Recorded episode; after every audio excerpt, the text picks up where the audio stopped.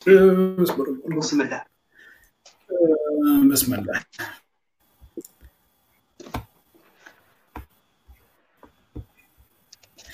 We are live. بسم الله الرحمن الرحيم والصلاة والسلام على أشرف المرسلين مشاهدينا ومستمعينا الكرام أينما كنتم. السلام عليكم ورحمة الله تعالى وبركاته. نسأل الله أن يرفع عنا وعنكم هذا الداء والوباء إن شاء الله. أهلا بكم في حصة كاش. بوليتيك. كاش بوليتيك وهو أول بودكاست جزائري يعنى بالشؤون السياسية المحلية والدولية. نحاول فيه رفع اللبس عن العديد من القضايا التي تهم الشأن الجزائري والعالم. هذا البودكاست من تقديمنا الدكتور يحيى محمد الأمين. مستمعينا يمكنكم الآن الاستماع للبودكاست عبر تطبيق سبوتيفاي وانكور وذلك عندما تكون ربما سيدي أو سيدتي راك في الرياضة أو في الطهي أو في السياقة وحبي تثقف تسمع كاش بوليتيك. سنحاول في العدد الجديد من حصة كاش بوليتيك الحديث حول موضوع عاصفة متجمعة. قراءة في المشهد الجيوبوليتيكي المغاربي الرهان أو آه، جيوبوليتيكي الراهن أي الحالي. رفقة الدكتور جلال خشيب باحث جزائري مقيم بإسطنبول. أهلا بكم وشكرا لتلبية الدعوة سي جلال. أهلا أهلا. السلام عليكم. امسيه طيبة أستاذ لامين. تحية لك ولجميع المشاهدين الكرام.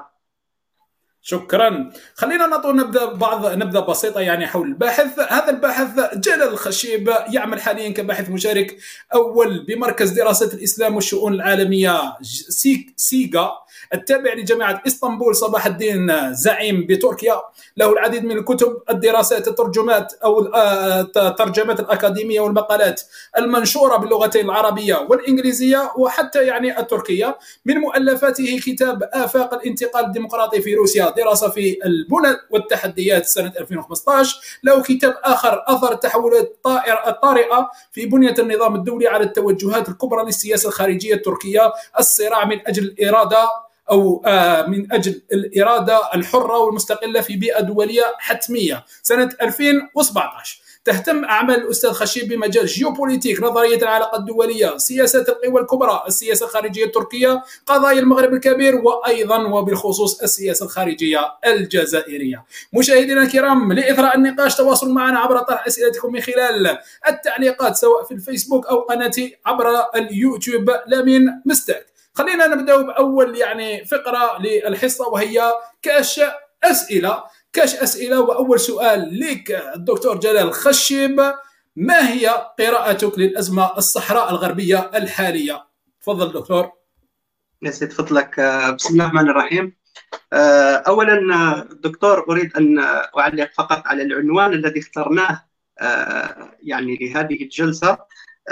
أنا تعمدت استخدام آه، في البداية تلك الكلمة آه، عاصفة متجمعة أو the gathering storm or a gathering storm في الحقيقة يعني آه، هذه هذه هذه الكلمة لها علاقة مباشرة يعني بما يحدث أو تصف بشكل جيد جدا ما يحدث اليوم في منطقتنا في المنطقة المغاربية أو شمال إفريقيا أو سميها كما شئت. أقتبس هذه الكلمة فقط عن بروفيسور جون ميرشايمر في إحدى دراساته يعني سنة 2010 آه، لما تحدث عن آه، يعني كان كان لديه دراسة بهذه بهذا العنوان The Gathering Storm uh, The Chinese Challenge to US Power in Asia ويتحدث فيه عن uh, عن حجم الصراع الكبير الذي يجري الآن في آسيا وفي منطقة بحر الصين الجنوبي بالضبط. ويستخدم هنا the gathering the أو يعرف بأنه بأن هناك يعني طبيعة المخاطر هناك أو التهديدات آه، إن صح التعبير التهديدات هي كانت يعني كيف نقولوا تهديدات واضحة والاصطفافات ربما آه، كانت واضحة جدا. في حين أنا أستخدم هنا اقتباسا عن عنه آه، ستورم أو عاصفة متجمعة بما ب يعني بغير غير معرفة هنا يعني نكرة. واريد أن اوصل فكره بانه النزاعات أو الصراعات القادمة التي ستشهدها المنطقة من الصعب جدا جدا أن على أي باحث أن يتنبأ آه، بالطبيعة التي ستأخذها أو بالمسار الذي سيأخذه على الرغم من أنه آه، الأطراف الآن واضحة لكن كثير من النزاعات التي حدثت في الشرق الأوسط أو في شمال إفريقيا أو في ليبيا مثلا بدأت بطريقة واتجهت إلى إلى منحى من الصعب جدا آه، التنبؤ به. وحتى التحالفات الموجودة في هذه المنطقة تحالفات غير ثابتة يعني وسنعطي كثير من الأمثلة على ذلك. بالنسبة لي يعني أريد في البداية أن أضع يعني المشاهد الكريم في السياق العام أو السياق الجيوبوليتيكي العام آه الذي جاءت فيه هذه الأزمة الأخيرة أزمة القرقرات أو الثغر غير الشرعي الذي أحدثه المغرب في هذه النقطة يعني. وتسبب في آه اندلاع آه يعني أحد أو إعادة إحياء أحد أكثر النزاعات يعني قدما في التاريخ في هذه المنطقة. طبعا لا يمكن آه، آه، في في نظري من الصعب جدا أن آه، نرجع أسبابها أسباب يعني اندلاع هذا النزاع فقط بالقول بأن هناك خلافات أو رغبة للمغرب بأن يسترجع ما يعتبره اراضيه أو رغبة الصحراويين بتحقيق الاستقلال أو تقرير المصير يعني فقط بأنه وهذه يعني مثل ما كانت من قبل آه، بعض التوترات تخمد وتصعد فالأمر يعني آه، الآن يتكرر وفقط يعني. آه، أو من الصعب أيضا أن نقول أنه ربما الجزائر استغلت ما يحدث في المغرب الآن واتجهت إلى تحريك بعض حلفائها هناك يعني مثل ما يقول المغاربة الروايه المغربية مثلا وللجزائر يد فقط وانتهى الأمر ونكون بذلك قد فهمنا ما يحدث في هذه المنطقة. آه، دائما في التحليل الجيوبوليتيكي أو لما نتحدث في هذا التخصص يعني دائما ما نحاول أن نرسم اللوحة الجيوبوليتيكية الكبرى التي تدور فيها هذه النزاعات الصغيرة أو النزاعات آه، حتى المحلية يعني. لأنه دائما آه، ما يحدث في العالم يكون له تأثير مباشر آه، على ما يحدث في هذه الأقاليم. لو استخدمنا مثلا هنا يعني مستويات التحليل أو ما يعتبره الواقعيون يعني عامل محدد مثلا في في تفسير سلوكات الدول أو ما يسميه ببنية النظام الدولي أو الفوضويه التي التي يتسم بها النظام الدولي. يعني غياب سلطة عليا تضبط يعني آه، سلوكات الدول.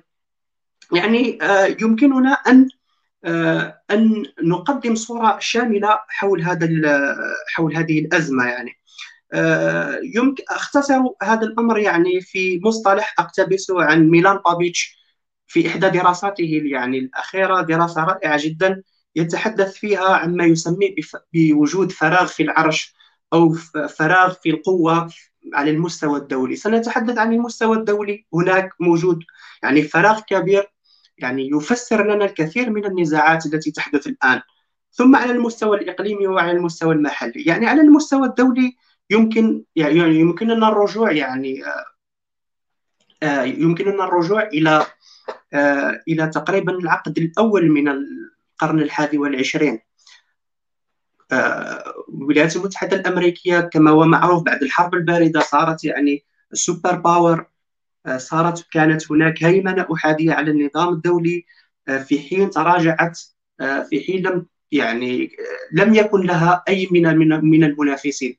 يعني ظل ظل الأمريكيين يعتقدون بأنهم بإمكانهم أن يستمروا في تحقيق هذه الهيمنة المطلقة أو الأحادية على النظام الدولي. حتى أنه كانت كثير من التقارير التي تأتي من داخل الولايات المتحدة الأمريكية من مراكز أبحاث أو كذا تقول بأنه في قوى أخرى. يعني على الولايات المتحدة الأمريكية أن تنتبه لها. في قوى صاعدة. يا جماعة انظروا إلى ما يحدث في روسيا منذ مجيء بوتين. انظروا إلى تحركات الصينية في في جوارها الإقليمي. يعني منذ سنة ربما يمكن القول من سنة 2000 و 2008 حرب جورجيا آه التي يعني أثبتت آه إمكانية عودة روسيا مجددا إلى النظام الدولي وإلى ممارسة آه، الفعل والتأثير وإلى عودة ما يسميه يعني الواقعيين بمجالات النفوذ spheres of influence. أو عودة مجالات النفوذ أو تقاسم العالم من جديد.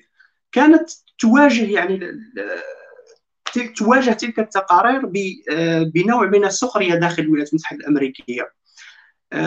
بعدها يعني جاءت أزمة القرم أيضا ضم الولايات ضم روسيا للقرم.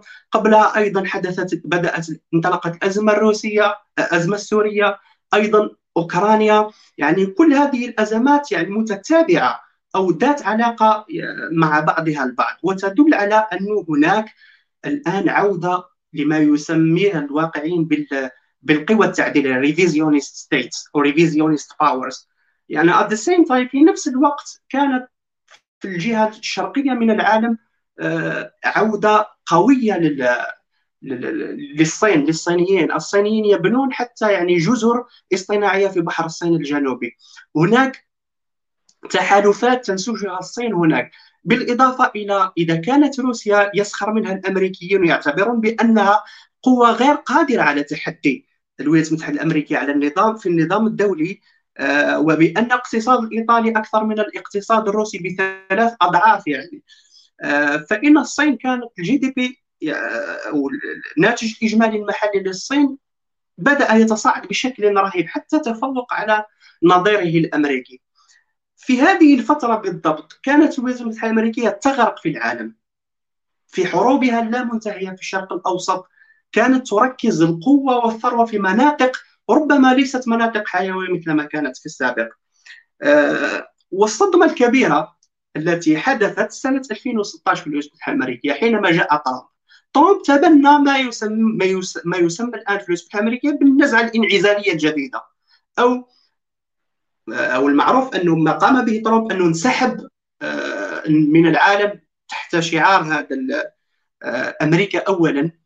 آه، يعني هذه كل هذه الثروة والقوة التي نبذرها في مناطق كثيرة كبيرة من العالم يعني لا لا لا تفيد ولا تخدم المصالح الأمريكية، يجب أن نتوجه إلى تعزيز القوة والثروة داخل الولايات المتحدة الأمريكية، وهذا ما أحدث صدمة يعني داخل الولايات المتحدة الأمريكية، التوجهات الكبرى لهذه الدولة منذ سبع منذ 70 عاما كان الليبراليون أو ال internationalism ال liberal internationalism هذا التيار هو هو التيار السائد داخل الولايات المتحدة الأمريكية الذي يسعى إلى قيادة العالم أو إلى تحقيق الهيمنة آه، مثل ما يسميه الآخرين نظراء الواقعين بالدعاة الهيمنة الليبرالية.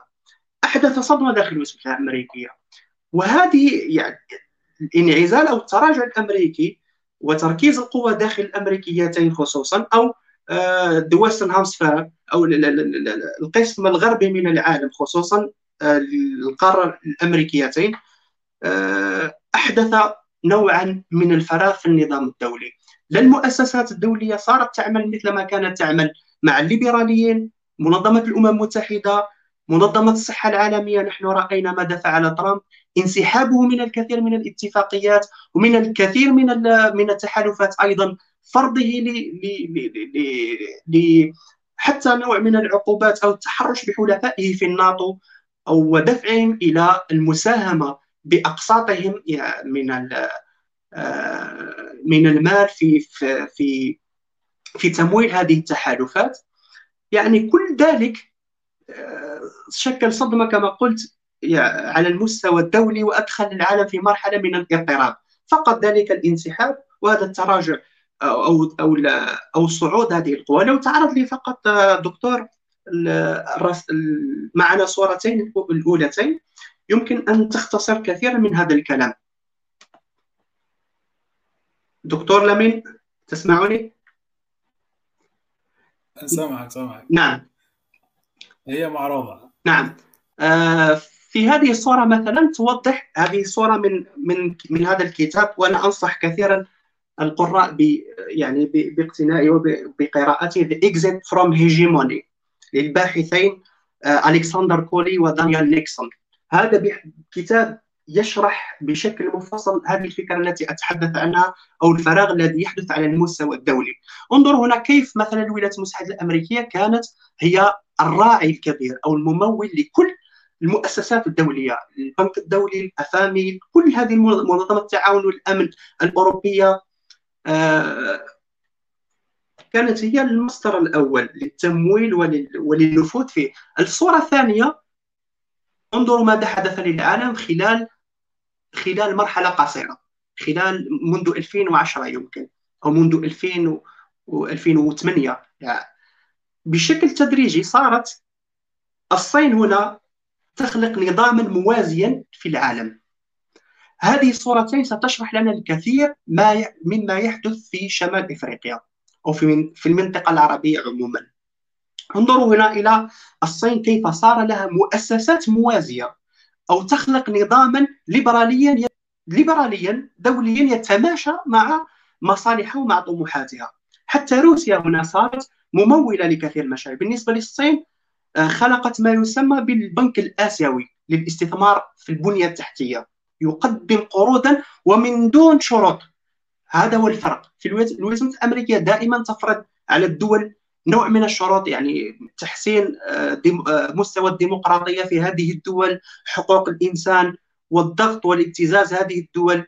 آه، لأنه طبعا الفكرة الفكرة الليبرالية هي الفكرة التي تبني عليها الولايات المتحده الامريكيه النظام الدولي الليبرالي الذي قادته منذ 70 سنة وبالتالي تركز على هذه على هذه النقاط. بالنسبة للصين مثلا أو روسيا تتعامل مع الدول أو ما يسميه الباحثان هنا بالرعاة الجدد أو الرعاة البدائل. يقدمون بدائل لهذا العالم من دون شروط آه، روسيا أو الصين لا تتدخل في شؤونك الداخلية وتقدم مبالغ ضخمة للدول. حتى أن الدول الآن صارت آه، تحذر الأمريكيين يكتبون يعني باي ذا يكتبون عن هذا الأمر بطريقة يعني نقدية للصينيين ما يسموه بفخ الديون الصينية. سنتحدث عن ذلك لاحقا. حتى روسيا صارت راعية هنا. لو ننظر إلى إلى الصورة بشكل جيد. وتمول مؤسسات كثيرة آه، منظمة شنغهاي أو منظمة كومنولث الدول المستقله حتى الدول الإقليمية مثل السعودية هنا. آه، السعودية تقدم قروضا ومبالغ ضخمة الإماراتيين القطريين. يعني صار آه، الشاهد من القول هنا لم تبقى الولايات المتحدة الأمريكية هي الراعي الكبير يعني والراعي الوحيد في العالم. هناك بدائل أخرى يمكن أن تلجأ إليها الدول. هذه الفكرة الأساسية من هذه الصورتين. آه قلت يعني آه الآن حدث نوع من الفراغ في النظام الدولي بانسحاب الولايات المتحدة الأمريكية آه في خلال أربع سنوات هذه من من وجود ترامب. آه الآن يمكن أن نفسر سندخل قليلا قليلا نحو منطقتين. ما يحدث الآن في في في آه السلوكات التركية؟ يعني مثلا في بحر في البحر المتوسط خلال الآونة الأخيرة خلال العام الأخير. أو مثلا آه حسم نزاع ناغورنو كاراباخ الآن في آه، أذربيجان لصالح أذربيجان. آه، انفجار نزاع تيغراي في إثيوبيا شمال إثيوبيا. أو أيضا تصعيد الاثيوبي ضد ضد مصر وحتى تلويح إثيوبيا بالحرب ضد مصر.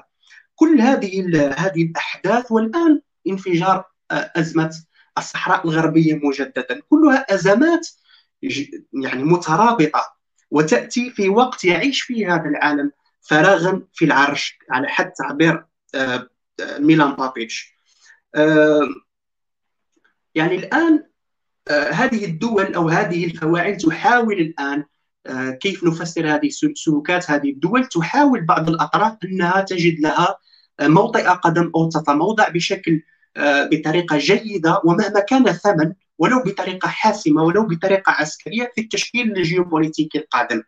طبعا يستغلون هذه الفترة وفترة خاصة هذه الفترة الانتقالية منذ انتخاب الرئيس جو بايدن جو بايدن معروف بأنه أحد أكثر الناس آه، تاثرا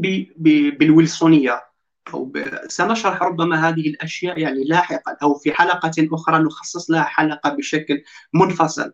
آه، فكرة الويلسونيه والليبرالية والنزعة الليبرالية أو النزعة الأممية الليبرالية. أحد أكثر المتأثرين بهذا الأمر وقد يعني آه، لو تذكرون الناس التي تتابع معي آه، التقارير الأسبوعية للبوصله الجيوبوليتيكية أنا أكثر كثيرا من عرض ملخصات لكثير من المقالات التي تتحدث عن هذه النقطة يعني يعني أنصح آه، الإخوة وأدعوهم لمن لا يتابع هذه التقارير انه يتابعها. منها مثلا مقال آه، مقال جو بايدن أيضا الذي قدمت له أيضا ملخصا في هذا الأمر والذي يدعو أمريكا لأن تقود العالم مجددا. بمعنى أنه كان امتداد لهذه النزعة التي توقفت مع أوباما آه، إن صح التعبير.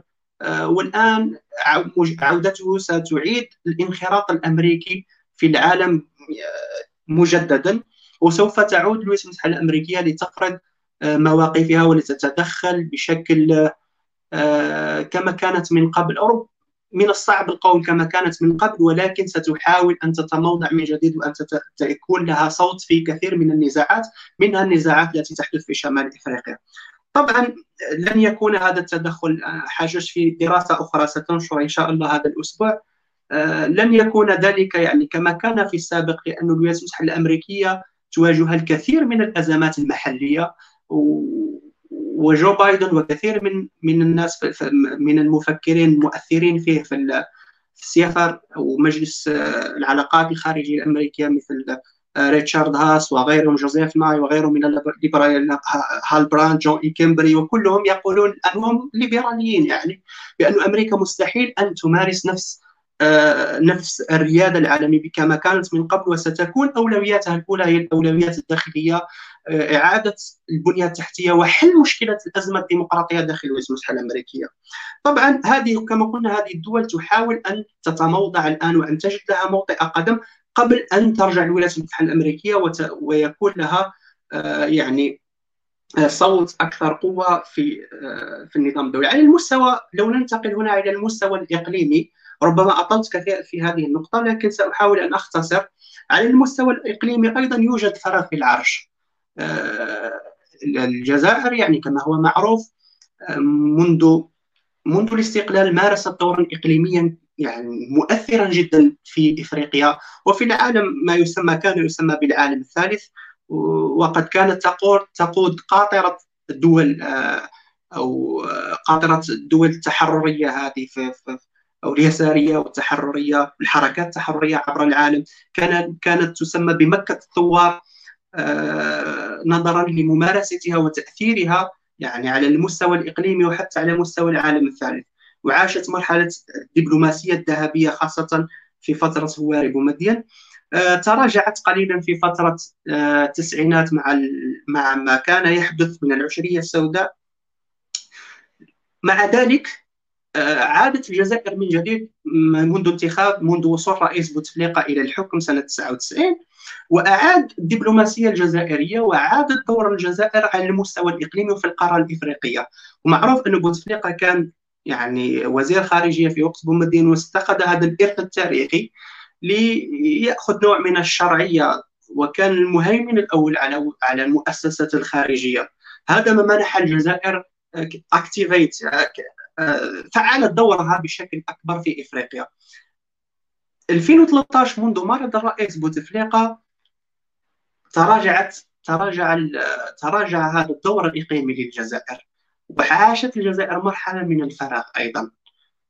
هذه الفترة بالضبط بدات بدأ المغرب أو المنافس الذي يعتبر نفسه منافسا. طبعا شمال إفريقيا بدأ ما يسميه بسياسته الإفريقية الجديدة.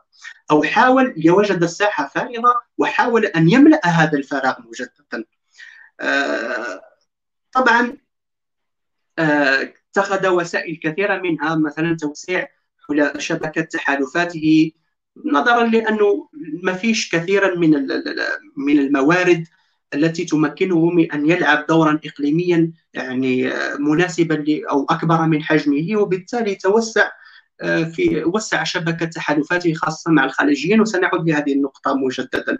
طبعا هذان الفراغين الإقليمي والدولي لا يفسران لوحدهما توقيت اشتعال هذه الأزمة. أيضا آه، كان هناك فراغ في في العرش أيضا إن صح التعبير اقتباسا عن بابيتش في داخل آه، نظامين سياسيين في الجزائر وفي المغرب. آه، في الجزائر منذ 2013 دخل الجزائر مرحلة صراع الأجنحة تعرفون القصة. آه، تسبب في عدم استقرارها الداخلي آه، تراجع على المستوى الإقليمي أزمة كبيرة وفراغ داخل مؤسسات الدولة. غياب رئيس عدم وجود رئيس يعني لمدة سنة تقريبا. مع حتى مع انتخاب أو وصول تبون مجددا أو ملء لهذا ملئه لهذا الفراغ سنة يعني مؤخرا يعني بقي الارث إرث العشرين سنة آه، الماضية من حكم بوتفليقه يثقل الجزائر ويسحبها نحو الخلف ويجعلها دائما مهتمة بالبحث عن آه، عن نوع من الاستقرار الأمني الداخلي وعن محاولة كسب شرعية للنظام. آه، طبعا المغرب كان يستغل هذه هذا الفراغ لصالحه لكن الآن بالضبط ماذا يحدث في المغرب؟ فراغ مشابه في العرش فراغ نسبي مشابه في العرش في المغرب الملك محمد السادس هو معروف أنه منذ جاء للحكم يعني كثير من الانتقادات التي وجهت له من داخل المغرب آه، منها أنه زاهد سياسيا ويتم دائما مقارنته آه، بوالده الحسن الثاني الذي كان شخصا شديدا آه، وكان ذو تأثير كاريزماتي يعني وعلاقته مع المخزن مع شبكة المخزن داخل المغرب كانت قوية وكان الرجل الأول طبعا وصول محمد السادس ثم بعدها الآن مرضه أحدث نوع من الفراغ والتراجع المغربي آه، على المستوى الإقليمي أو حتى داخليا أو المستوى الاستقرار السياسي. الآن هناك صراع بين من يتابع الشان المغربي يعرف أحسن مني هذا الأمر آه، بين بين الداعمين لابن الملك ليتولى العرش وبين الداعمين لأخيه. آه، طبعا نظام المخزن هنا لا يريد أن يدخل البلاد في مرحله في في أزمة آه، أو صدام خاصة وأن المخزن تم تحديه من قبل من بعض الحركات مثل الحركة الإسلامية التي صعدت في المغرب والإخوانية جماعة التنميه العدالة والتنمية شكلت تحديا نوعا ما لنظام المخزن آه، مع ذلك تمكن المخزن من أن يثبت ركائزه وهو الآن يفعل نفس الأمر والماء ولكن لا يريد أن يحدث نوعا من آه، يريد أن يحدث نوع من الانتقال السلس داخل داخل العرش آه، داخل العرش الملكي وتثبيت أركانه. هذا في هذا السياق يعني يأتي تحركه في في مسألة الصحراء الغربية أو إعادة إحياء هذه النزعة القومية المغربية التي تعتبر بأن هذه المنطقة جزء من أراضيها جزء لا يتجزأ من أراضيها. توجيه ربما الرأي العام أيضا آه، والاستثمار فيما يحدث والجزائر أيضا تتابع هذا الأمر وتريد أن تستثمر فيه كما استثمر المغرب أيضا في فراغ السلطة الذي كان موجودا في الجزائر. و... ومن يدري يعني نقولها بكل يعني صراحة ومن يدري ربما الجزائر الآن تريد أن تدفع المغرب بأن يدخل في حرب استنزاف آه، مع مع جبهة البوليزاريو. لأنه تعرف الجزائر بأنه حساباته يعني لن يعني ستكون خاطئة جدا إن دخل في حرب استنزاف. الاقتصاد المغربي لا يحتمل ذلك. وربما يعني تصوراته بأن حلفاء سينقذونه لن آه لن تجدي يعني كثيرا. ولن تتمكن آه الإمارات أو من يعول عليه المغرب من أن يسنده في هذه الحرب إذا دخل حرب استنزاف.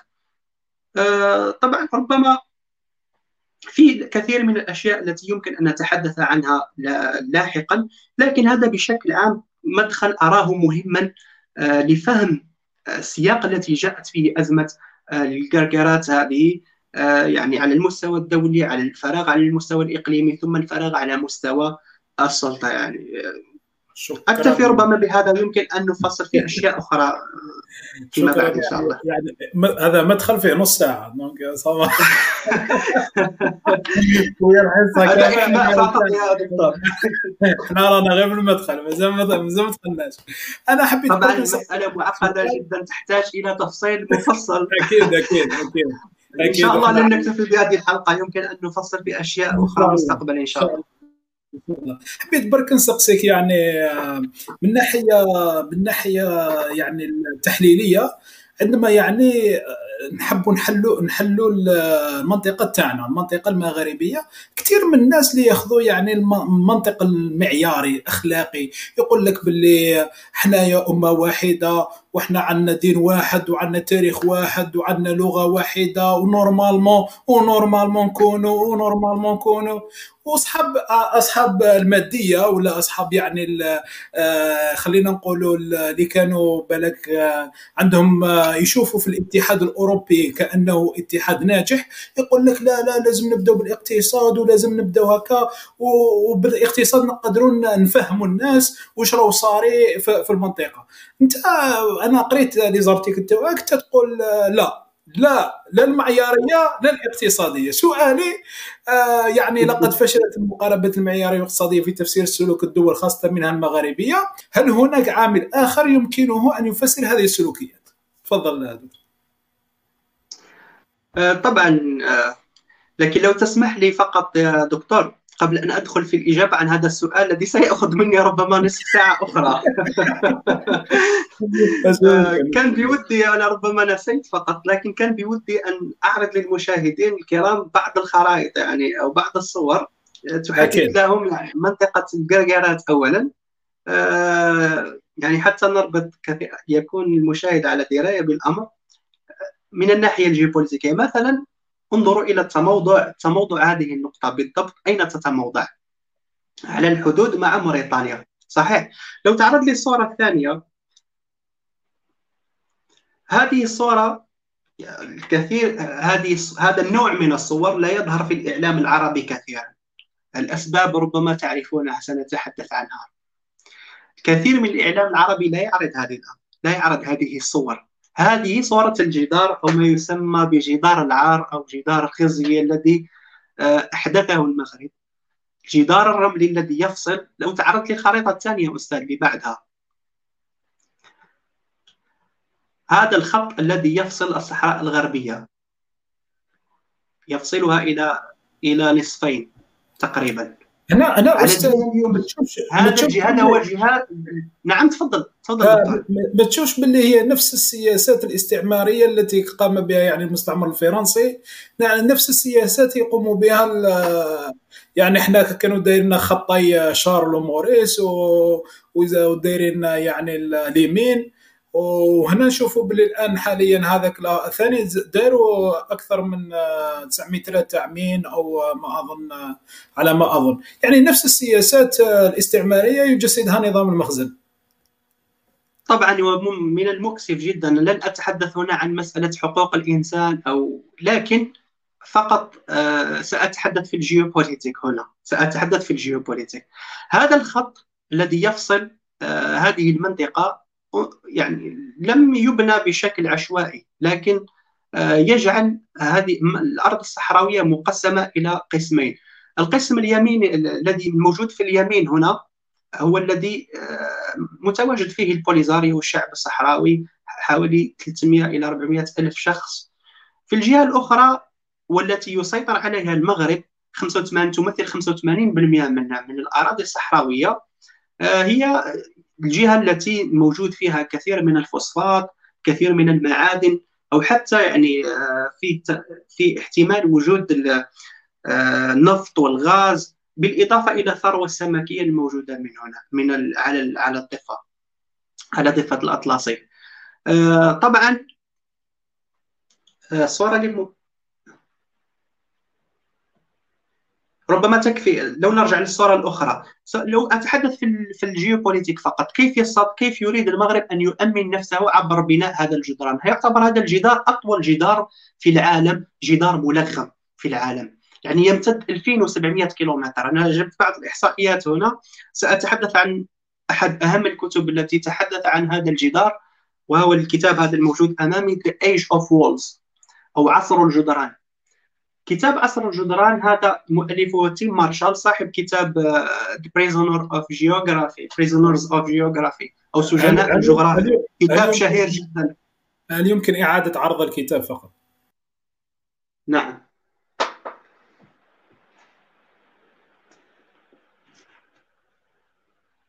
واضح؟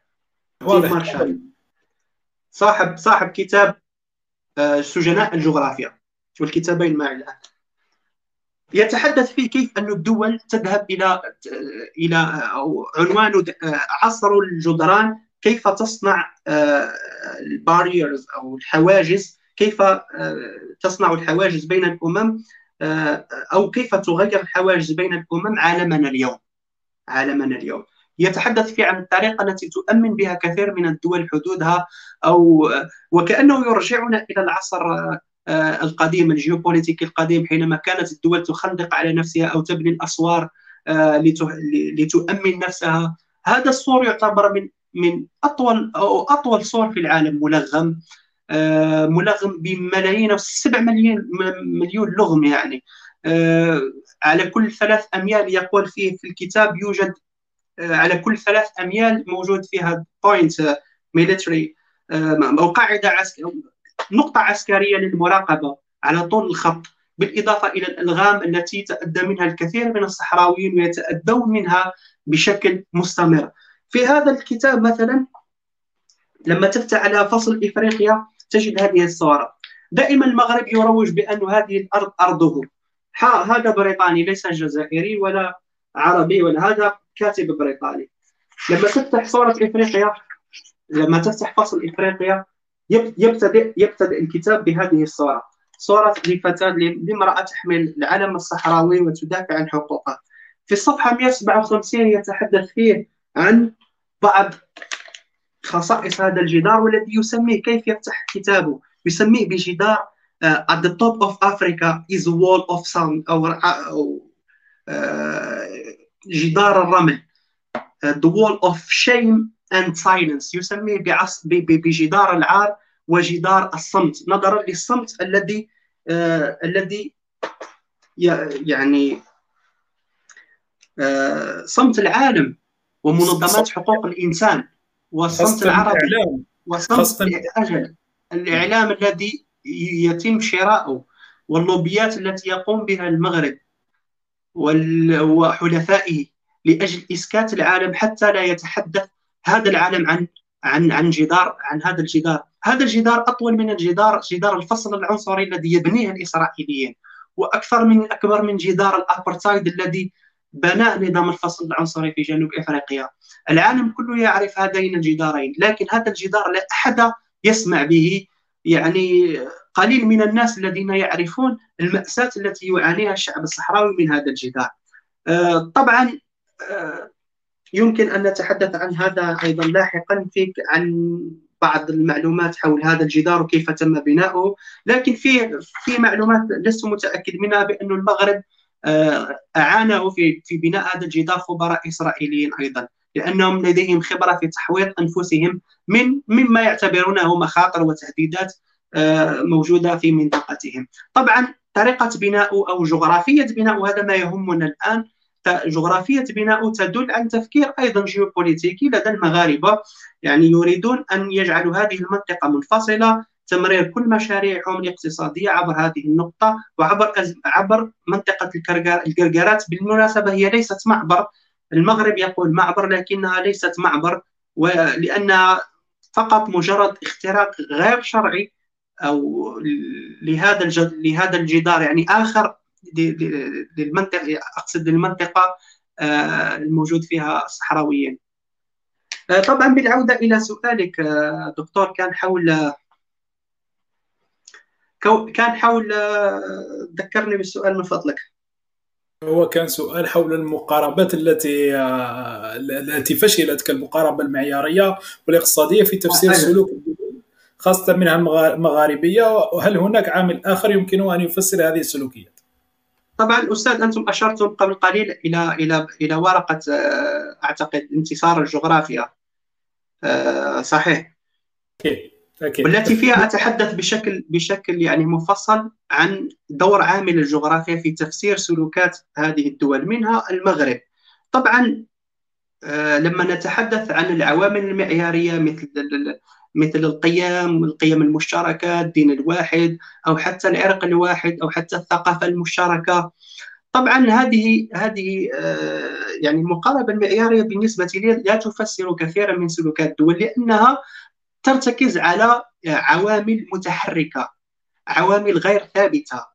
يعني حتى الاقتصاد مثلا المقاربات الاقتصادية التي تقول بانه الاعتماد المتبادل بين الدول هو الذي يفسر سلوكاتها أو شيء من هذا القبيل هي مقاربات تعتمد تعتمد على عوامل غير ثابتة. بالنسبة لي أن العوامل الثابتة الأكثر رسوخا هي العوامل الأكثر قدرة على التفسير. طبعا بالإضافة إلى يعني تحدثت في قبل قليل عن عن دور النظام الدولي أو بنية النظام الدولي كيف تدفع الدول إلى ممارسة سلوكات معينة دون أخرى وتحدي هذه وتحدي طبيعة بنية النظام الدولي سوف سوف يؤدي بها الدول إلى أن تتضرر في سياستها الخارجية. كما على حد تعبير طبعا الواقعيين وهي وهو تفسير جيد لسلوكات الدول. قلت قبل قليل انه انه انه انه العوامل الاكثر ثباتا وأكثر رسوخا هي العوامل الأكثر قوة أيضا في التفسير. لدي عاملين أساسيين هنا أتحدث عنهما. عامل اول هو الغريزة أو الفطرة. الفطرة هي أكثر ثباتا خلافا للثقافة هي التي تعتبر آه، يعني هذه ثنائيه الطبيعة والثقافة الطبيعة وكل ما شيء غريزي. والغريزة أتحدث اقصد هنا بالضبط غريزة البقاء وغريزة الأمن وغريزة الأمن سواء حينما تتجسد في دولة هي كغرائز إنسانية طبعا حينما تتجسد في دولة في مؤسساتها وفي قياداتها. غريزة البقاء. وهي الأكثر ثباتا والغير قابلة للتغير. وغير قابلة للتغير. العامل الثاني هو عامل الجغرافيا. وهو العامل الذي أركز فيه يعني في التحليل لما في الورقة التي أشرتم إليها قبل قليل. عامل الجغرافيا عامل مهم وأساسي بالنسبة لي في تفسير سلوكات الدول ومنها مثلا سلوكات الجزائر أو حتى سلوكات المغرب. لو اتخذنا مثلا هنا آه، طبيعة السلوكات المغربية وحاولنا أن نستقرئها خلال الآونة الأخيرة. لو تعرض معي الخريطة التالية دكتور؟ حتى يسهل.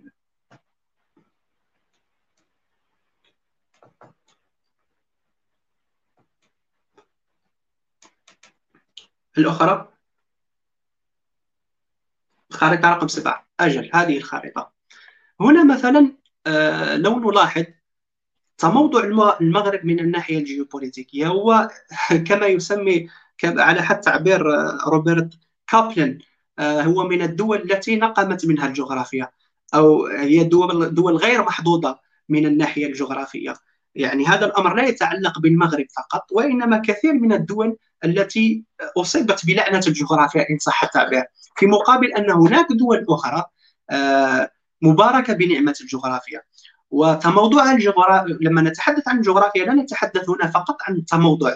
تموضع هذه الدولة أو كيفية تموضعها نتحدث عن ما موجود داخلها من ثروات ومن غير ذلك ما يحيط بها من محيطات وما يحيط بها أو طبيعة الطبوغرافية داخل هذه الدولة جبال صحاري آه، مناخها أيضا مناخ قارس مناخ آه، مناخ حار مثل الدول الصح... مثل دول الساحل الإفريقي أو الدول الموجودة آه، ذات الصحاري الكبرى أو دول متجمدة تقريبا مثل روسيا.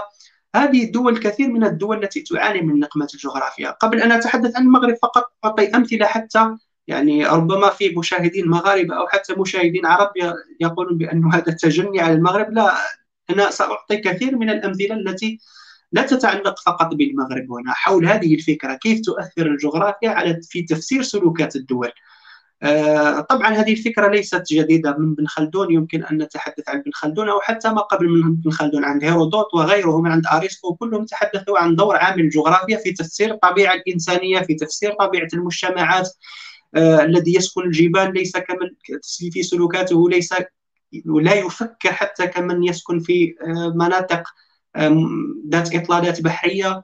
وغيرها. مثلا لو نعطيك دولة مثل المالديف التي مهددة الآن بالزوال الكلي المالديف آه، بسبب تموقعها. طبعا مجموعة من الجزر كل عام في نسبة المياه ترتفع. بعد سنوات سوف تختفي المالديف. يعني من يريد أن يعمل زيارة فل... فليعجل بذلك. آه، مثل دول دول مثل دولة مثل روسيا مثلا معظم أراضيها مجمدة. آه، في ويحاذيها دولة مثل الصين ذات الانفجار الديموغرافي. الذي يهدد حتى الفراغات الجغرافية الموجودة في الشمال الشرقي لروسيا. نعطيك دول أخرى ملعونة جغرافيا وهي دول في دولة مثل مثل البرازيل. البرازيل مهمشة في آخر الأرض يعني على الرغم لو قارناها مثلا بالصين أو لو افترضنا أن ذات نفس الإمكانيات التي تمتلكها الصين من الناحية الاقتصادية فلن يكون للبرازيل نفس الدور الذي يمكن أن تمارسه الصين بسبب تموضعها أو هامشيتها الجغرافية في العالم يعني. آه هذه بعض الأمثلة عن الدول الملعونه جغرافيا. في مقابل ذلك موجود هناك الكثير من الدول التي تحظى ببركات الجغرافيا على حد تعبير كابلان أو تيم مارشال أو غيره من الجيوبوليتيكيين ربما أحسن مثال هنا الولايات المتحدة الأمريكية. دولة ضخمة آه، من هذا جاء مصطلح American exceptionalism أو exceptionalism النزعة الاستثنائية الأمريكية. دولة ضخمة آه، يحيطها من الشمال يعني الكنديين من الجنوب آه، المكسيكيين أو ما يسمي الأمريكيين بال nice neighbors أو أو الجيران الحميدين كما نقولوا إحنا بالجزائرية ناس ملاح غير مؤذين. وأيضا عن عن الشرق وعن الغرب موجود محيطين أو أسماك fish كما يقولون وال fish مصطلح أيضا يدل على الضعف.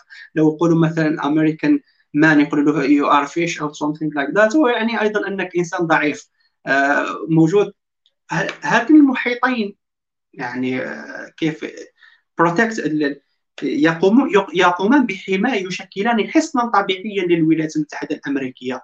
وشكل ذلك يعني عبر سنوات من الزمن وصنعت هذا التموضع الجغرافي للولايات المتحدة الأمريكية هذه الاستثناء الأمريكي وتمكنت من بناء نظام ديمقراطي كبير وركزت الثورة هناك ثم ثروة هناك أقصد. ثم لما انفتحت عن العالم بعد بيرل هاربر آه تمكنت من أن تصدر قوتها نحو الخارج وأن وتعرفون القصة ماذا حدث بعدها. من الدول الملعونة جغرافيا هنا نجد المغرب مثلا. كيف تحدد الجغرافيا هنا؟ سلوكاته. آه، لو نلاحظ هامشية المغرب هنا. من من من الشرق موجودة الجزائر. الجزائر موجود مع علاقات متوترة طبعا وكلكم يعرفون أسباب ذلك. يعني ربحوا لنا العيب في سنة 63 لما نقولوا سنة 63 هذه السابقه تاريخيا موجودة في في ذهن صانع القرار إلى اليوم والتي تجعل الجزائر دائما يعني آه، متوجسة في مدركات الأمنية تجاه المغرب. آه، دولة شاسعة جغرافيا صحراء آه، صحراء يعني شاسعة ودولة قوية عسكريا متواجدة يعني بثقل آه، بثقل عسكري أيضا في هذه المنطقة عن الشرق آه، تحد أي قدرة للمغرب على ترويج أو تصدير projecting power أو تصدير القوة نحو الخارج. نفس الأمر على الناحية الشمال على الناحية الغربية موجود المحيط الأطلسي الذي يمنعها لا يوجد أي شيء هناك يمنعها أيضا من أن تصدر قوتها إذا كانت لها قوة يعني مستقبلا أو أرادت أن تكون آه، فاعلا اقليميا أن تصدر قوتها نحو نحو نحو الغرب. من الشمال موجود الاتحاد الأوروبي وموجودة إسبانيا يعني علاقات أو ميزان القوى في غير صالحها في غير صالح المغرب ميزان قوة سلبي إضافة إلى أن نذكر بأنه موجود الاحتلال الإسباني أيضا لستة ومليلة هناك وهو أطول بالمناسبة أطول ربما استعمار في التاريخ 600 سنة أعتقد. آه، لو أخطأت صححوا لي يعني. 600 سنة يعني من أطول الاستعمارات الموجودة في العالم. آه، يجعل دائما المغرب في حالة آه، في يجعل ميزان القوة أو المغربي مع الاتحاد الأوروبي في غير صالحه. إذا يبقى للمغرب منطقة واحدة يمكن أن آه، يصدر قوته يعني منها نحو نحو الخارج. في هذا الأمر جاءت آه، يمكن أن نفسر الكثير من السلوكات المغربية تجاه منطقة تجاه الصحراء الغربية. ولماذا يصر المغرب ونظام المخزن بأن تكون الصحراء الغربية هنا آه، دولة أو أو أرض أو جزءا من أراضيه لو افترضنا مثلا هنا أن صحراويين يقومون بدولة أو ينشئون دولة ستكون أكيد آه، حليف قوي للجزائر هنا. كيف يستطيع المغرب أن يمارس دورا إقليميا آه، مؤثرا كما يطمح إلى ذلك في إفريقيا؟ من المستحيل أن يتمكن من تصدير قوته نحو الخارج. العلاقات التجارية سنشرح لاحقا بمجموعة من الخرائط كيف يريد المغرب الآن أن أن يربط اقتصاده أو يربط يعني سياساته بإفريقيا بالدول الموجودة أو أن يصل حتى إلى منطقة آه، الساحل الغيني وأيضا في علاقاته مع نيجيريا ومع الدول مع دول غرب إفريقيا. لذلك بالنسبة للمغرب مسألة الصحراء الغربية هنا مسألة جد يعني حيوية بالنسبة للمغرب. من المستحيل من الصعب أقول من الصعب جدا أن يتنازل فيها لأنه مجرد أنه يتنازل فيها فهو يقر بأنه يقر باختناقه الجيوبوليتيكي وسيقر بأنه من المس... بأنه قدره الجيو... أنه بمست... من المستحيل أن يتجاوز قدره الجغرافي أو لعنه الجغرافيا التي التي آه... آه... التي تطاله. آه... طبعا من أجل هكذا نفسر نفسر لماذا المغرب ذهب إلى البحث عن حلفاء وأصدقاء خارج إقليمه هنا؟ طبعا في عصر هذا العوله نعم أستاذ؟ قلت لك هذا هو سؤالي في الحقيقة وفي يعني يعني شفنا المغرب إنه تحدى الجغرافيا حتمية الجغرافيا ومن ثم أصبح ينتهج يعني سياسات خارجية غير عقلانية خاصة مراهنة يعني على حلفاء بعيدين كل البعد عن إقليمه الجغرافي. كيف تفسر ذلك؟ طبعا هذا هو عامل الجغرافي اختناق الجغرافي هنا هو الذي دفع دفعه إلى آه، هو الذي يفسر سلوكاته آه، يعني في البحث عن حلفاء خارج إقليمي. طبعا تسبب بنفسه في اولا في أزمة 63 في حرب الرمال مع الجزائر وصنع مدركات تاريخية راسخة الآن لدى صانع القرار الجزائري من المستحيل أن يتجاهلها في تعامله مع المغرب. ثم جن على نفسه أيضا سنة 94 حينما اتهم الجزائر بتنفيذ ذلك التفجير في فندق بمراكش أعتقد مراكش. وفرض على الجزائريين حينها التأشيرة. تصور أن جارك يفرض عليك تأشيرة خاصة وأن الجزائر كانت في تلك المرحلة تعيش يعني أسوأ أسوأ أيامها أزمة العشرية السوداء. وصار يعني الجز... حتى تم تشويه صورة الجزائر بأن بأن الجزائر تصدر الإرهاب لأوروبا وأنه بلد إرهابي يجب يجب أن آه، يتم التعامل معه بجد وتم غلق الحدود. طبعا منذ ذلك الوقت والمغرب يتجه نحو آه، نحو البحث عن حلفاء خارج إقليمه.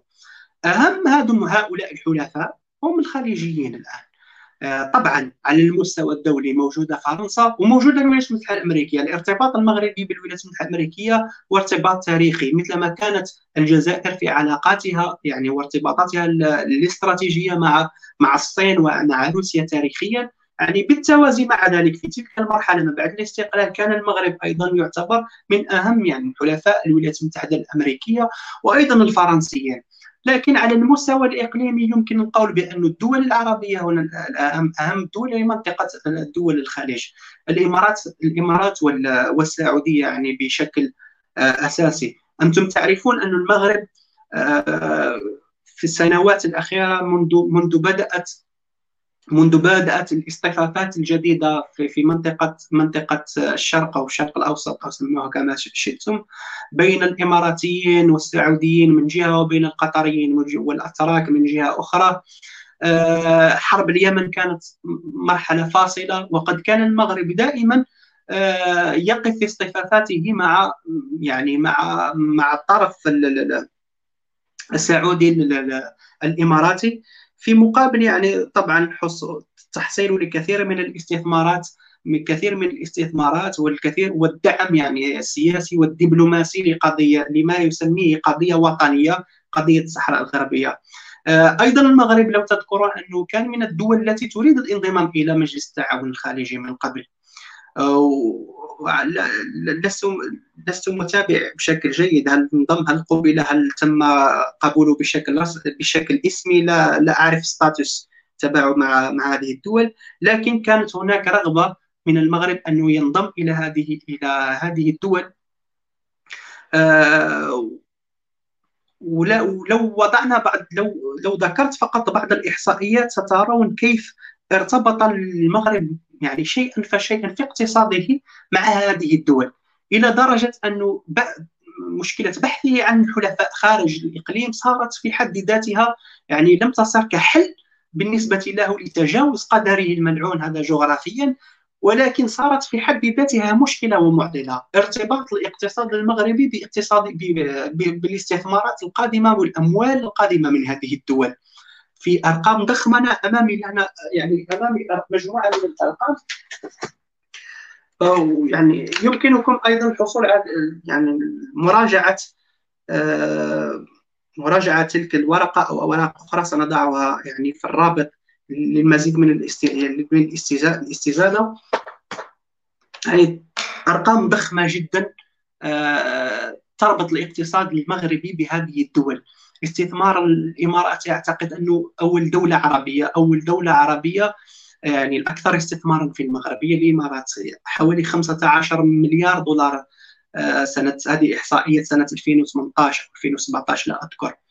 الكثير من المشاريع التي يمولها الخليجيون منها مشروع مثلا مشروع وصال. هذا مشروع لأجل آه، بناء البنية التحتية للمغرب. أنتم تعرفون بأن المغرب اقتصاده قائم أساسا على على السياحة يعني ويعمل كل شيء وفاتح البلد وحتى يعني في أشياء رهيبة يمكن أن نتحدث عنها أيضا. يعني فاتح البلاد أمام كل يعني كل شيء يعني في مقابل أنه يستطيع أن يجلب يجلب أكبر قدر من السياح. مشروع وصال الذي تموله تموله دول الخليج أيضا لبناء البنية التحتية في المغرب. آه، فيه مشاريع كثيرة يعني يمكنكم الرجوع إلى الأرقام. أنا لا أذكرها وهي أمامي الآن. آه، تجعل المغرب يعني يرتبط بهذه الدولة. حوالي 4 ملايير دولار استثمارات سعودية. هذه إحصائيات 2017 آه، أيضا 1.5 مليار من قطر. دول الخليج ضخت 5 ملايير دولار يعني قبل عامين الإمارات وحدها 1.5 دولار. آه هذا مشروع وصال البنيه التحتية من الدار البيضاء إلى الميناء. 737 مليار دولار. آه في أرقام ضخمة جدا لهذه الدول. لدرجة أن المغرب لا يستطيع مثلا أو إذا أراد أن يمارس يعني سلوكا مستقلا أو يبدي مواقفا لا تتماشى مع هذه الدول مع مواقف هذه الدول في أزماتها في الشرق الأوسط يتم الضغط عليه وابتزازه مثل ما حدث سنة 2017 يعني سنة 2017 توجه الملك المغربي إلى آه، في زيارة له إلى هذه الدول بهدف يعني ممارسة ما كان يسميه المغاربة بالحياد الإيجابي. أو محاولة التوسط في آه، مسألة خلافاتهم مع قطر. وأيضا آه، انسحب من آه، أبدى موقفا سلبيا من الحرب في اليمن وأراد أن ينسحب بما كان يسمى بالتحالف الإسلامي في حربهم على اليمن.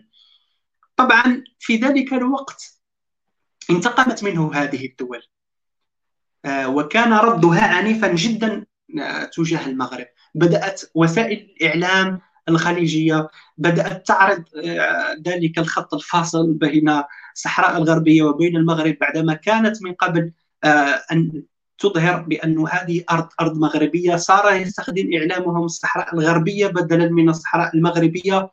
بل وتوجهت هذه الدول إلى خنقه آه، جيوبوليتيكيا. كيف؟ بالذهاب إلى بتحفيز أو إحياء خلافات مع موريتانيا. كثير من من الاستثمارات التي دخلتها الإمارات في ذلك الوقت منذ 2017 سنة 2017 إلى غاية 2018 2019 مع مع مع الإماراتيين مع مع موريتانيا. كثير من الاستثمارات التي آه، آه، يعني والأرقام أمامي هنا على سبيل المثال آه، هناك ميناء مهم جدا. لو تعرض لنا الصورة أستاذ خليني نشوف الصورة عندي هنا. الصورة رقم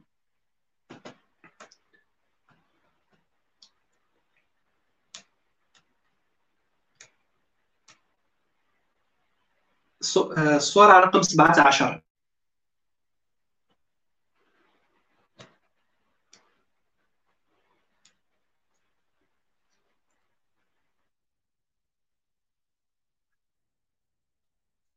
أنت تسمعني دكتور؟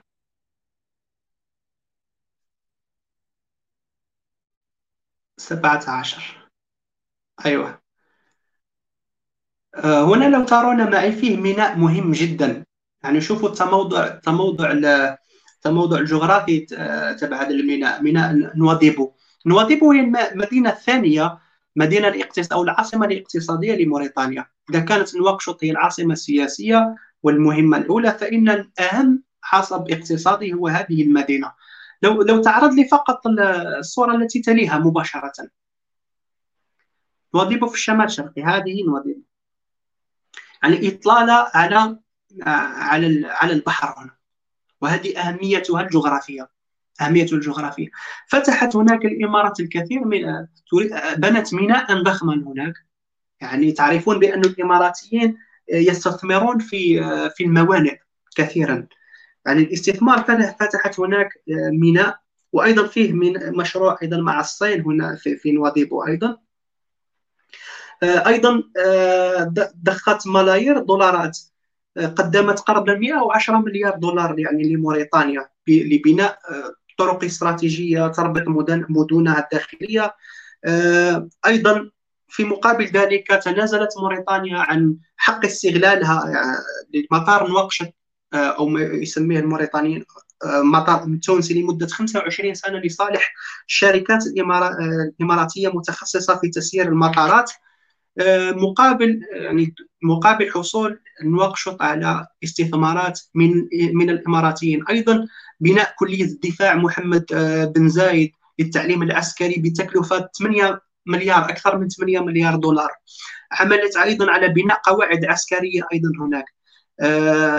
بالإضافة إلى ذلك يعني كثير من الاستثمارات ضخت بعد تلك بعد تلك الحادثة مباشرة حينما أراد آه، الإماراتيين أو الخليجيين انتقام من المغرب حينما أراد المغرب أن يتبنى سياسة نوعا ما مستقلة وأن ينسحب من التحالف ما سموه التحالف الإسلامي في آه، في الحرب على اليمن أو ما يسمونه بالإرهاب في اليمن. تم معاقبته بذلك. بعدها مباشرة جاءت لو تذكرون معي آه، تذكرون معي لا قبل أن أذهب إلى ذلك آه، رد فعل المغرب كان مباشرة. لو ترجع لنا الأستاذ آه، رقم 16 خريطه رقم 16 سارع المغرب إلى بناء ميناء آخر ميناء الدخلة. انظروا إلى تموقعه هنا. وفي آخر الصحراء الغربية أو المنطقة التي يحتلها المغرب من الصحراء الغربية. رايتم ذلك الخط الذي تحدثنا عنه قبل قليل؟ ذلك الخط الذي يفصل ويجعل هذه المنطقة منطقة مسيطر عليها في عسكريا من المغرب.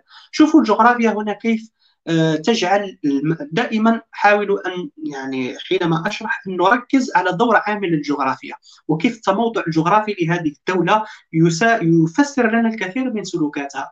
كرد فعل على على هذا المشروع المشروع الإماراتي حاول المغرب انه يكون نوعا ما مستقل فأطلق مشروع ضخم لبناء ميناء الدخلة أيضا. هذا الميناء الذي سيسمح له بأن يصدر بضائعه إفريقيا خاصة في سياسته الإفريقية الجديدة هنا. آه، أيضا لو أذكر أيضا بحادثة أخرى وهي حادثة تصويت ضد ضد مشروع المغرب لاستضافة كأس العالم سنة 2000 المزمع عقد آه، إجراؤها سنة 26 2026 آه، لو تذكرون جاء ذلك أيضا كنوع من الانتقام من من هذه الدول نتيجة لمحاولة استقلال المغرب نوعا ما من سياساته. لكن قبل ذلك هذه الأزمة جاءت في وقت كانت فيه العلاقات بين بين الطرفين علاقات آه، جيدة جدا. وكيف صدم المغاربة؟ أتذكر جيدا في ذلك الوقت وكنا في إحدى القنوات الإعلامية وأتحدث كنت أتحدث بشكل يعني كنت واثقا بأن هذا الأمر سيحدث عن قريب عن قريب جدا وحدث بالطبع. انتقمت هذه الدول أو في في موضوع في موضوع بسيط جدا موضوع كرة قدم يعني صوتوا ضد المغرب. وصدم المغاربة من ذلك من تلك الحادثة. كيف بحلفائنا أن يطعنوننا في الظهر ومن يعني المضحك المضحكات المبكيات كما يقال أو من سخريات السياسة أن الجزائر صوتت لصالح لصالح المغرب لصالح ملف المغرب. طبعا في تلك المرحلة بالضبط آه، فتح فتح الملك المغربي آه، أراد أن يفتح قنوات الاتصال مع الجزائر ودعا إلى إعادة فتح الحدود مع مع الجزائر وإعادة تفعيل الاتحاد المغاربي. وكان الجزائريون أيضا أذكياء صانع القرار اتجهت الخارجيه إلى عقد اجتماع طارئ للدول اتحاد أعضاء الاتحاد المغاربي من أجل تفعيل هذا هذا الاتحاد وقوبلت يعني بشكل إيجابي. وأدرك كنت أعتقد بأن المغاربة س... س... أو النظام المخزن أتحدث هنا ليس عشر المغرب النظام المخزن أنه سيأخذ العبرة من هذه الحادثة. كيف بحلفائه الذين عول عليهم وأراد أن يتحرر من من هذه الجغرافيا التي تطوقه أو أراد أن يتجاهل هذه الجغرافيا وهنا مصطلح انتقام الجغرافي الذي يتحدث عنه كابلن أن الدول التي تتجاهل قدرها الجغرافي سوف يأتي يوم وتنتقم منها هذه الجغرافيا. التي تجاهلتها مثل ما حدث للولايات المتحدة الأمريكية في العراق مثل ما حدث للولايات المتحده الامريكيه في أفغانستان حينما دخلت بفكرة صفر جندي. أننا سنتجه إلى إسقاط النظام في أفغانستان ثم نذهب إلى العراق فنسقطه ثم نذهب إلى هذه الدول إيران وسوريا وسوف ما سمى أندرو كريبينيفيتش في ذلك الوقت العسكري آه، بنظرية صفر جندي وطبقها رامسفيلد كانوا يعتقدون بأن تفوقهم التكنولوجي سوف يسمح لهم بأن يطيرون بشكل آه، يطيرون كالفراشه ويلسعون كالنحلة على حد تعبير آه، كيف اسمه محمد علي كلاي أصحاب الملاكمة. من دون أي خسائر. لكن في أول مست... في أول عملية في أفغانستان والعراق غرقوا في مستنقعات العراق وفي صحراء العراق وفي حرارة العراق 50 تصور 50 درجة والجندي الأمريكي مثقل بتلك بتلك الألبسة ويعتقد بأنه سيمكنه أن يحرر هذه البلد أو أن يصنع ديمقراطيه أو في جبال طورا بورا الافغانيه والجغرافيا الصعبه جدا للأفغان هناك. هذه نفس الأمر حدث للمغرب. كان يعتقد بأنه يمكنه أن يتحرر من هذه الجغرافيا حينما يذهب للبحث عن حلفاء خارج إقليمه ويتجاهل هذه الجغرافيا التي هي الجزائر أصلا التي تعتبر يعني جغرافيا وكأنها متوق لكل آه، يعني آه، طموحات يريدها المغرب على حساب هذه الدولة أو وفي الحقيقة هنا هنا أعتقد أنه الفكرة وصلت للمشاهد إن شاء الله. وصلت كيف الجغرافيا تؤثر في صنع السياسات الخارجية للدول. الحمد لله ونشكرك على التفسير. وفي الحقيقة يعني سؤال فقط يعني من ناحية الدول آه، الكبرى. هي أيضا يعني هناك عامل آخر وهو عامل يعني النفوذ خاصة من طرف الدول الكبرى آه، التي لا تريد يعني آه، هناك آه، إقامة تحالف خاصة محلي إقليمي ما بين هذه الدول. ما هي يعني هل ممكن يعني أن تفسر لنا كيف للدول الكبرى أن تستغل بعض المشاكل الإقليمية لأجل تحقيق بعض المكاسب السياسية والاقتصادية؟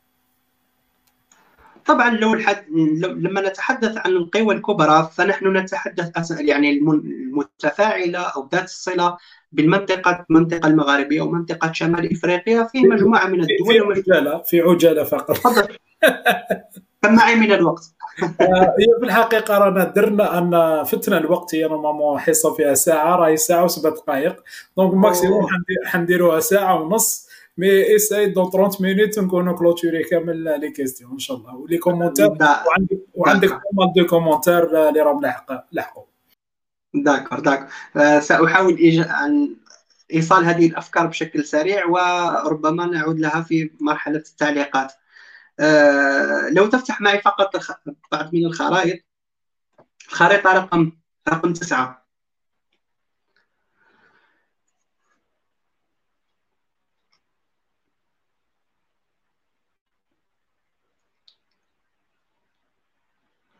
في الخريطة رقم تسعة هنا يظهر طريق الحرير الصيني. رقم تسعة تسعة.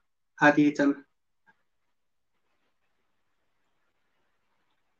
أيوة هذه الخارطة آه لما نتحدث عن القوى الكبرى فنتحدث المنخرطة في شمال إفريقيا نتحدث أساسا عن آه عن فرنسا صاحبة النفوذ التقليدي. نفوذ يعني بين قوسين نضعها بين قوسين لأنه نفوذها متراجع جدا. فرنسا نتحدث عن الولايات المتحدة الأمريكية بشكل أيضا آه، بشكل نسبي. نتحدث أيضا هنا عن الصين وعن روسيا أساسا. عن الصين وعن روسيا. هذه هي القوى الكبرى يعني الدولية المنخرطة في هذه في هذه آه، في هذه المنطقة. آه، لو نبدأ مثلا هنا بالصين كيف كيف الصينيين كيف يحاول الصينيين أن يجدوا له موطئ قدم الصينيين ما يميزهم؟ أنهم لا ينخرطون في النزاعات السياسية. وهذا ما سهل عليهم بناء هذا الخط. الخط الأحمر هو الطريق البري والخط الأزرق هو الطريق البحري لما يسمى بال BRI أو Belt and Road Initiative أو مبادرة الحزام والطريق طريق الحرير الجديد. الميناء الأزرق هنا يمر صار يمر من 2016 حينما وقعت وقعت الجزائر ثم تونس ثم المغرب على اتفاقية الانضمام إلى هذا الطريق. الذي سيمر من مناطق حيوية يعني فيه ثلاث ثلاث ثلاث موانئ أساسية هنا. ميناء في في تونس بنزرت ميناء في ميناء في الجزائر ميناء الحمدانية منطقة شرشان وميناء أيضا طنجة في المغرب. من المحتمل أيضا أن يمد هذا الخط يمتد إلى عبر منطقة يعني المغرب الصحراء الغربية إلى أن يمتد إلى آه، خليج غينيا وإفريقيا. هنا المشكلة تصل مشكلة في, الصحراء منطقة الصحراء الغربية. المغرب الصين لا تتدخل كثيرا لا تتدخل في النزاعات الموجودة بين الدول. آه، أيضا روسيا موجودة هنا بقوة في في دعمها للجزائر مثلا الجزائر تعتبر المورد الأول للسلاح الروسي آه، في في إفريقيا 52% من السلاح الذي يدخل إفريقيا هو تأخذه الجزائر. آه، أيضا في الولايات المتحدة الأمريكية التي دعمت عبر فترة طويلة كانت إلى حد ما يعني مع المقاربة المغربية خاصة في مرحلة أكيد الولايات المتحدة الأمريكية تتخذ يعني آه، يعني هذه المنظمات الدولية مثل الأمم المتحدة أنها تفعل وأنها تتدخل في هذه المنطقة من خلال آه، من خلال عبر هذه المنظمات. لكن لما جاء ترامب حاول أن يحدث نوع من التغير وأبدى آه، نوعا من الانحياز للمغرب محاول أن يستثمر في ذلك.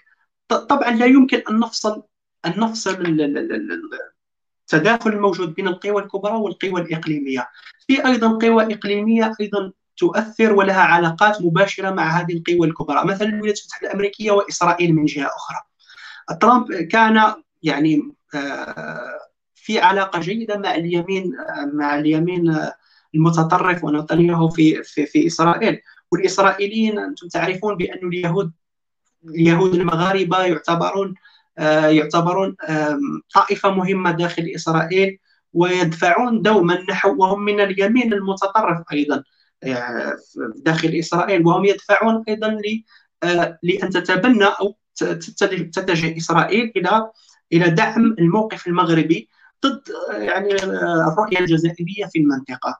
آه، طبعا ترامب ونتنياهو في علاقة. دفع حاول حاول الصهاينة حاول الإسرائيليون أيضا أن يستخدموا الولايات الثقل الأمريكي ليحدثوا نوع من الاختلال آه، في ميزان القوى لصالح المغرب ضد الجزائر. آه، في مقابل ذلك تحاول روسيا مثلا أن تعمل الايكيليبريوم هذا. في الموجود من خلال دعمها أيضا ل أو إشاراتها حتى في, في الأزمة الأخيرة إشاراتها يعني الدبلوماسية بأنها يمكن أن آه، تقف مع الجزائر وانها مع التصورات الجزائرية وأنها مع حق الشعوب في تقرير مصيرها في هذه في هذه المنطقة، طبعا هناك تداخل كبير في أيضا الدور التركي هنا أيضا في الذي يعني مؤخرا فيه آه، فيه نقلة نوعية حتى أنه في تصريحات تركية تقول بأنه رسمية بأنه يجب على تركيا أن تعيد النظر في آه، طريقة تفكيرها تجاه هذه المنطقة وطريقة تفكيرها تجاه أزمة الصحراء الغربية. طبعا هناك تفسيرات كثيرة يمكن بسبب بسبب هذا التنامي الإماراتي الموجود في هذه المنطقة بسبب الأزمة الليبية هناك أسباب كثيرة ربما تفسر الموقف التركي قد نرجع إليها لاحقا. فرنسا هي أهم الداعمين للمغرب وهي أهم المستثمرين آه، للمغرب. فأي مشروع مثلا تريد أن تريد فرنسا مثلا أن تمليه على الاراده الجزائرية قد آه، وترفضه مثلا الجزائر قد تتبناه المغرب آه، بشكل سهل. دائما فرنسا أيضا تستخدم هذه الأزمة في محاولة الضغط على كلا الطرفين محاولة تحقيق تنازلات عند كلا الطرفين. مؤخرا مثلا بعد الحراك فيه كثير من القوى داخل النظام السياسي الجزائري التي يعني ضد فرنسا ضد المصالح الفرنسية. يعني هذا تصوري للأمر. كان هناك قوى من ال من ال من ال من داخل المؤسسة العسكرية آه، جيل جديد من داخل المؤسسة العسكرية يرى في فرنسا الآن بأنها يعني الدولة المتسببة في إركاع الجزائر في تعطيل هذه الدولة. آه، كنت سميتها من قبل بأن الجزائر دولة معطلة دولة معطلة معطلة الإمكانيات إمكانيات ذات إمكانيات ضخمة جيوبوليتيكية ربما نرجع إلى هذا الأمر لاحقا لكن بسبب آه، ضغط الفرنسيين على الجزائر يعني تعطلت هذه الدولة. حينما حاولت الجزائر مثلا أن تملي تحاول أنها تسترجع شيء من السيادة الوطنية أو سيادة الفعل أو القرار السياسي الجزائري وبناء نظام يعني يراعي المصالح الجزائرية قبل المصالح الفرنسية مثل ما كان من قبل يعني جنرال التسعينات مثلا يفعلون. يعني كامتداد للسياسة الفرنسية في المنطقة حينما تريد الجزائر أن تفعل ذلك تلقي فرنسا في ثقلها لصالح المغرب في قضية الصحراء الغربية حتى تحاول أن أن تبتز الموقف الجزائري هنا. في الكثير من الأشياء حتى المشاريع الاقتصادية ربما قد نتحدث عنها لاحقا. أعتقد أن الوقت يضغطني وأنا لا أستطيع أن أتحدث بشكل مريح حينما أشعر بأن الوقت ما بقي معنا. بقي معنا 15 دقيقة. تفضل أستاذ. آه خليني نطرح لك يعني سؤال آخر. آه هو في الحقيقة انت تحدثت حول آه، يعني كل ما هي آه، الحركات أو الحركات آه، خلينا نقولوا الملتهبة في إقليم المغاربي. وهذا يعني يشكل تهديد للجزائر. وانت تحدثت يعني في مقالك أنه الجزائر تمتلك أكثر من 52% من الأسلحة في إفريقيا. يعني 52% من الأسلحة في إفريقيا تمتلكها إلا الجزائر. لماذا؟ يا اي نو ذات هي في الحقيقة سؤالي uh, لماذا الجزائر تتسلح بهذه الدرجة؟ وهل هناك يعني سباق تسلح بينها وبين المغرب كما يشار يعني عند أو كما يقال للعديد من الكتاب؟ تفضل. تفضل. يعني أسباب تسلح الجزائر يمكن أن نحددها في ثلاث أشياء كبيرة. اولا هذه المشاريع المشاريع الدولية آه، في شمال إفريقيا. ربما لو عرضت الخرائط الأخرى سترى يعني ال geo geoeconomics أو المشاريع الأنابيب ال pipelines الموجودة يعني آه، عند المشاريع الغربية هذه. مثلا المشروع لا خط يعني. رقم 14 مثلا. مثلا هذا المشروع الذي يمتد من آه، حقل آه، حاسي الرمل مثلا إلى ويمد أوروبا بالغاز ويصل إلى آه، يعني يقطع منطقة الساحل الإفريقي إلى أن يصل إلى المحيط. مثلا هذا مشروع من المشاريع الدول الكبرى. في كثير من من المشاريع التي تريد الجزائر حتى أن تحميها. في حدود مثلا في هذه الجغرافيا الواسعة تصور كيف يمكن للجزائر أن تحمي كل هذه الجغرافيا في في وجود قوى أو في وجود دول أو حدود ملتهبة. عدم استقرار سياسي في تونس والجزائر تضمن آه، تضمن هناك آه، الوضع السياسي في تونس. يعني الوضع السياسي في تونس مرتبط بما يحدث في الجزائر. آه، دولة فاشلة في ليبيا يعني مقاسمة حكومتين proxy wars أو حروب حروب بالوكالة في في في في ليبيا على حدودنا الشرقية تهديد للأسلحة أو مخاطر كثير التهريب الأسلحة. وأنتم تعرفون هذه هذه التحديات الموجودة في منطقة الساحل الأزمة في مالي والنزاعات الإثنية التي لا تنتهي في دول الساحل الإفريقي بالإضافة إلى ذلك أزمة الصحراء الغربية ومحاوله المغرب واستعداد المغرب لممارسة أي آه، لممارسة حتى آه، أي عدوان مستقبلي. طبعا ما زالت تندوف وما زالت بشار ضمن المخيلات الجيوبوليتيكية الوهمية التي يتوهمها نظام المخزن بأنها جزء من أراضي أو ما يسمونه بالصحراء الشرقية، طبعا ليس كل المغاربه يؤمنون بذلك ولكن نظام المخزن عبر عبر الزمن تمكن من صنع ما يسمى بال geopolitical imagination أو الخيال ما يسمى في الجيوبوليتيك بالخيال بالخيال الجغرافي والخيال الجيوبوليتيكي. كيف بأن هذه بأن المغرب يمتد إلى عمق الصحراء الجزائرية وفي الجنوب إلى غاية إلى غاية السنغال. وبأن آه، هذه هي الحدود التاريخية لهذه الدولة ويضخ هذه الأشياء يعني عند عند الشعب المغربي ويصنع ما يسمى بالجيوبوليتيك الشعبية عبر الإعلامي وعبر أشياء كثيرة. طبعا وجود جار مثل هذا يجعل من الجزائر دائما في حالة استعداد عسكري. ما أركز عليه هنا أيضا بشكل كبير والسابقة التاريخية. دور السوابق التاريخية في آه، جعل الجزائر تتصرف بهذه الطريقة وأن تتسلح بهذا بهذا الثقل العسكري. سابقة 63 أتحدث حرب الرمال. لحد الآن مدركات صانع القرار والأجيال القادمة من صناع القرار من المستحيل أن يتجاوزوا هذه هذه هذا الحدث التاريخي. فهو يصنع دائما مدركات صانع القرار في الجزائر ويجعل الجزائر دائما في حالة استعداد للحرب. ما تلك المقولة الشهيرة التي يستخدمها الواقعيين إذا كنت تريد السلم فعليك دوما أن تكون مستعدا للحرب. آه طبعا آه بالإضافة إلى أشياء كثيرة. تحدثت أنت أيضا أستاذ الآن عن وجود معضي أو سباق تسلح. لا لم أسمي في تلك الدراسة مثلا آه بسباق تسلح وإنما هناك معضلة أمنية. سباق تسلح غير غير موجود بين الجزائر وبين وبين المغرب. حتى الجزائر لا تضع أصلا آه، المغرب باعتباره منافس لها يعني في تصوراتها. آه، ولكن مصدر يمكن أن يكون مصدر تهديد وليس منافس لها. الميزانيات؟ تتحدث الميزانيه العسكرية للجزائر 10 مليار دولار وخبراء يتوقعون بأنها ستصل إلى حدود 17 في مقابل انه موجود 3.5 فقط مليار دولار للميزانية المغربية. آه، ميزانية التسليح الميزانيه العسكرية طبعا. آه، الجزائر هي في الترتيب ربما آه، ثالثة عربيا كأقوى جيش ومن الناحية العسكرية وال المرتبة 20 عالميا. في مقابل أن المغرب يحتل المرتبة المرتبة المرتبة 55 عالميا أعتقد. آه، ليس هناك فجوة عسكرية كبيرة بين الطرفين. لذلك فهي ليس سباق تسلح وإنما معضلة أمنية. ما المقصود بالمعضلة الأمنية في العلاقات الدولية؟ هي هي حالة الشك واللا يقين المستمر في مدركات صانع القرار حينما تجاه الطرف الآخر. مثلا حينما تتسلح الجزائر وتقول بأن هذه الأسلحة هي أسلحة دفاعية فإن الطرف الآخر يعتبرها أسلحة هجومية والعكس بالعكس. حينما تتسلح المغرب مثلا ويعقد صفقات ويشتري دبابات الأبرامز أو هذه الترسانة العسكرية من الولايات المتحدة الأمريكية فإن الجزائر تعتبر هذا بأنه أسلحة هجومية. وبالمناسبة في الدراسات العسكرية حتى لا يوجد تمييز بين ما هو السلاح الدفاعي والأسلحة من الصعب جدا والاسلحه الهجومية.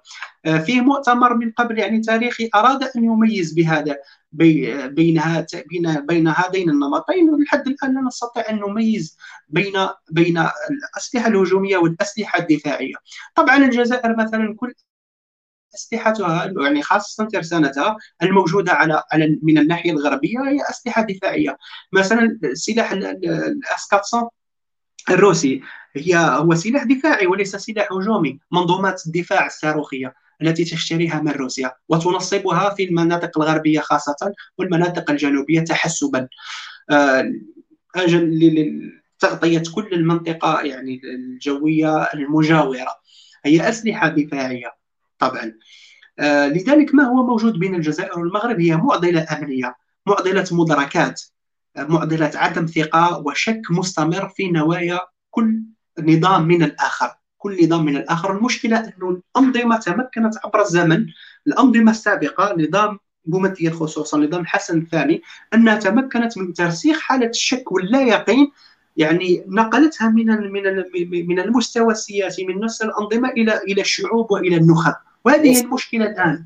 لما تتحدث عن لما تتحدث عن المعيارية وعن هذا نعم تفضل تفضل دكتور. وصلت الفكرة في الحقيقة. نحن آه، يعني على حجة أود أن أمر بك إلى السؤال الذي يلي هذا السؤال.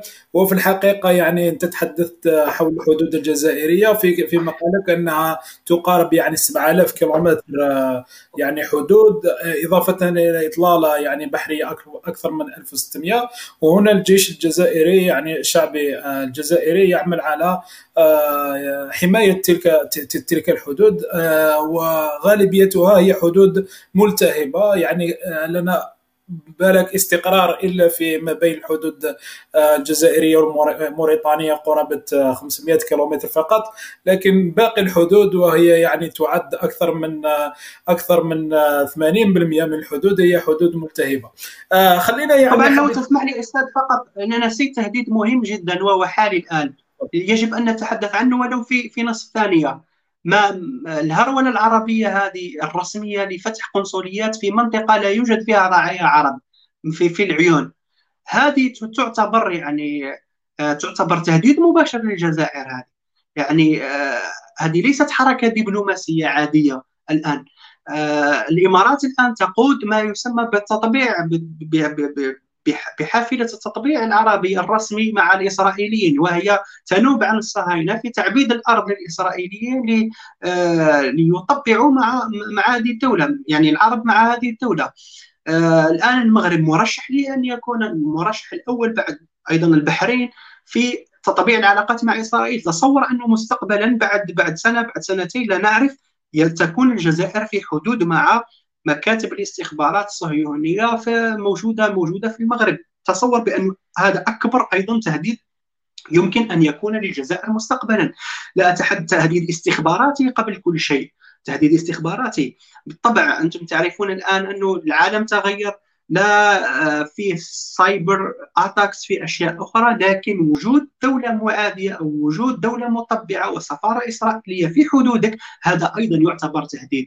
والعالم لا أنا لا أؤمن بانه انه العولمة تجاوزت تجاوزت الجغرافيا وتجاوزت هذا العالم القديم. أنا أؤمن الآن بعودة هذا العالم القديم وبأن الحدود الجغرافية وانه بانه تستمر آه، الحدود الجغرافية مهمة ويستمر القرب الجغرافي مهم جدا ويستمر أنه يكون هذا القرب الجغرافي مصدرا للتهديد أو أو مصدرا للفرص أيضا. شكرا. شكرا يعني على هذه هذه التوضيحات المهمة التي تؤكد يعني انه هذا الامورات التي تجري يعني على النطاق الغربي تشكل تهديد فعلي على الأمن القومي الجزائري. آه خلينا يعني نسألك وخلينا نروح بديرة خير يعني. خلينا نكون إحنا سباقين للخير. ونسألك سؤال يعني كيف يمكن المغرب أن يعزز علاقته مع الجار الأكبر وهو الجزائر؟ آه وتصفير كل مشكلاته.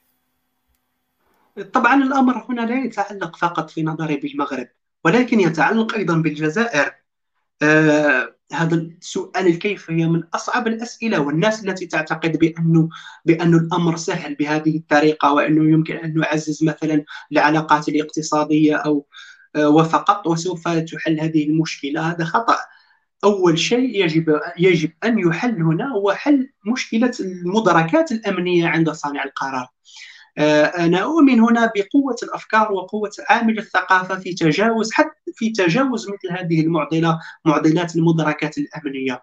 أتحدث عن التبادل الثقافي وعن الاختلاط الثقافي وعن وعن فتح الحوارات الفكرية بين الأجيال الجديدة. يعني الأمر نحن الآن نرث نرث مشكلة عن أجيال سابقة.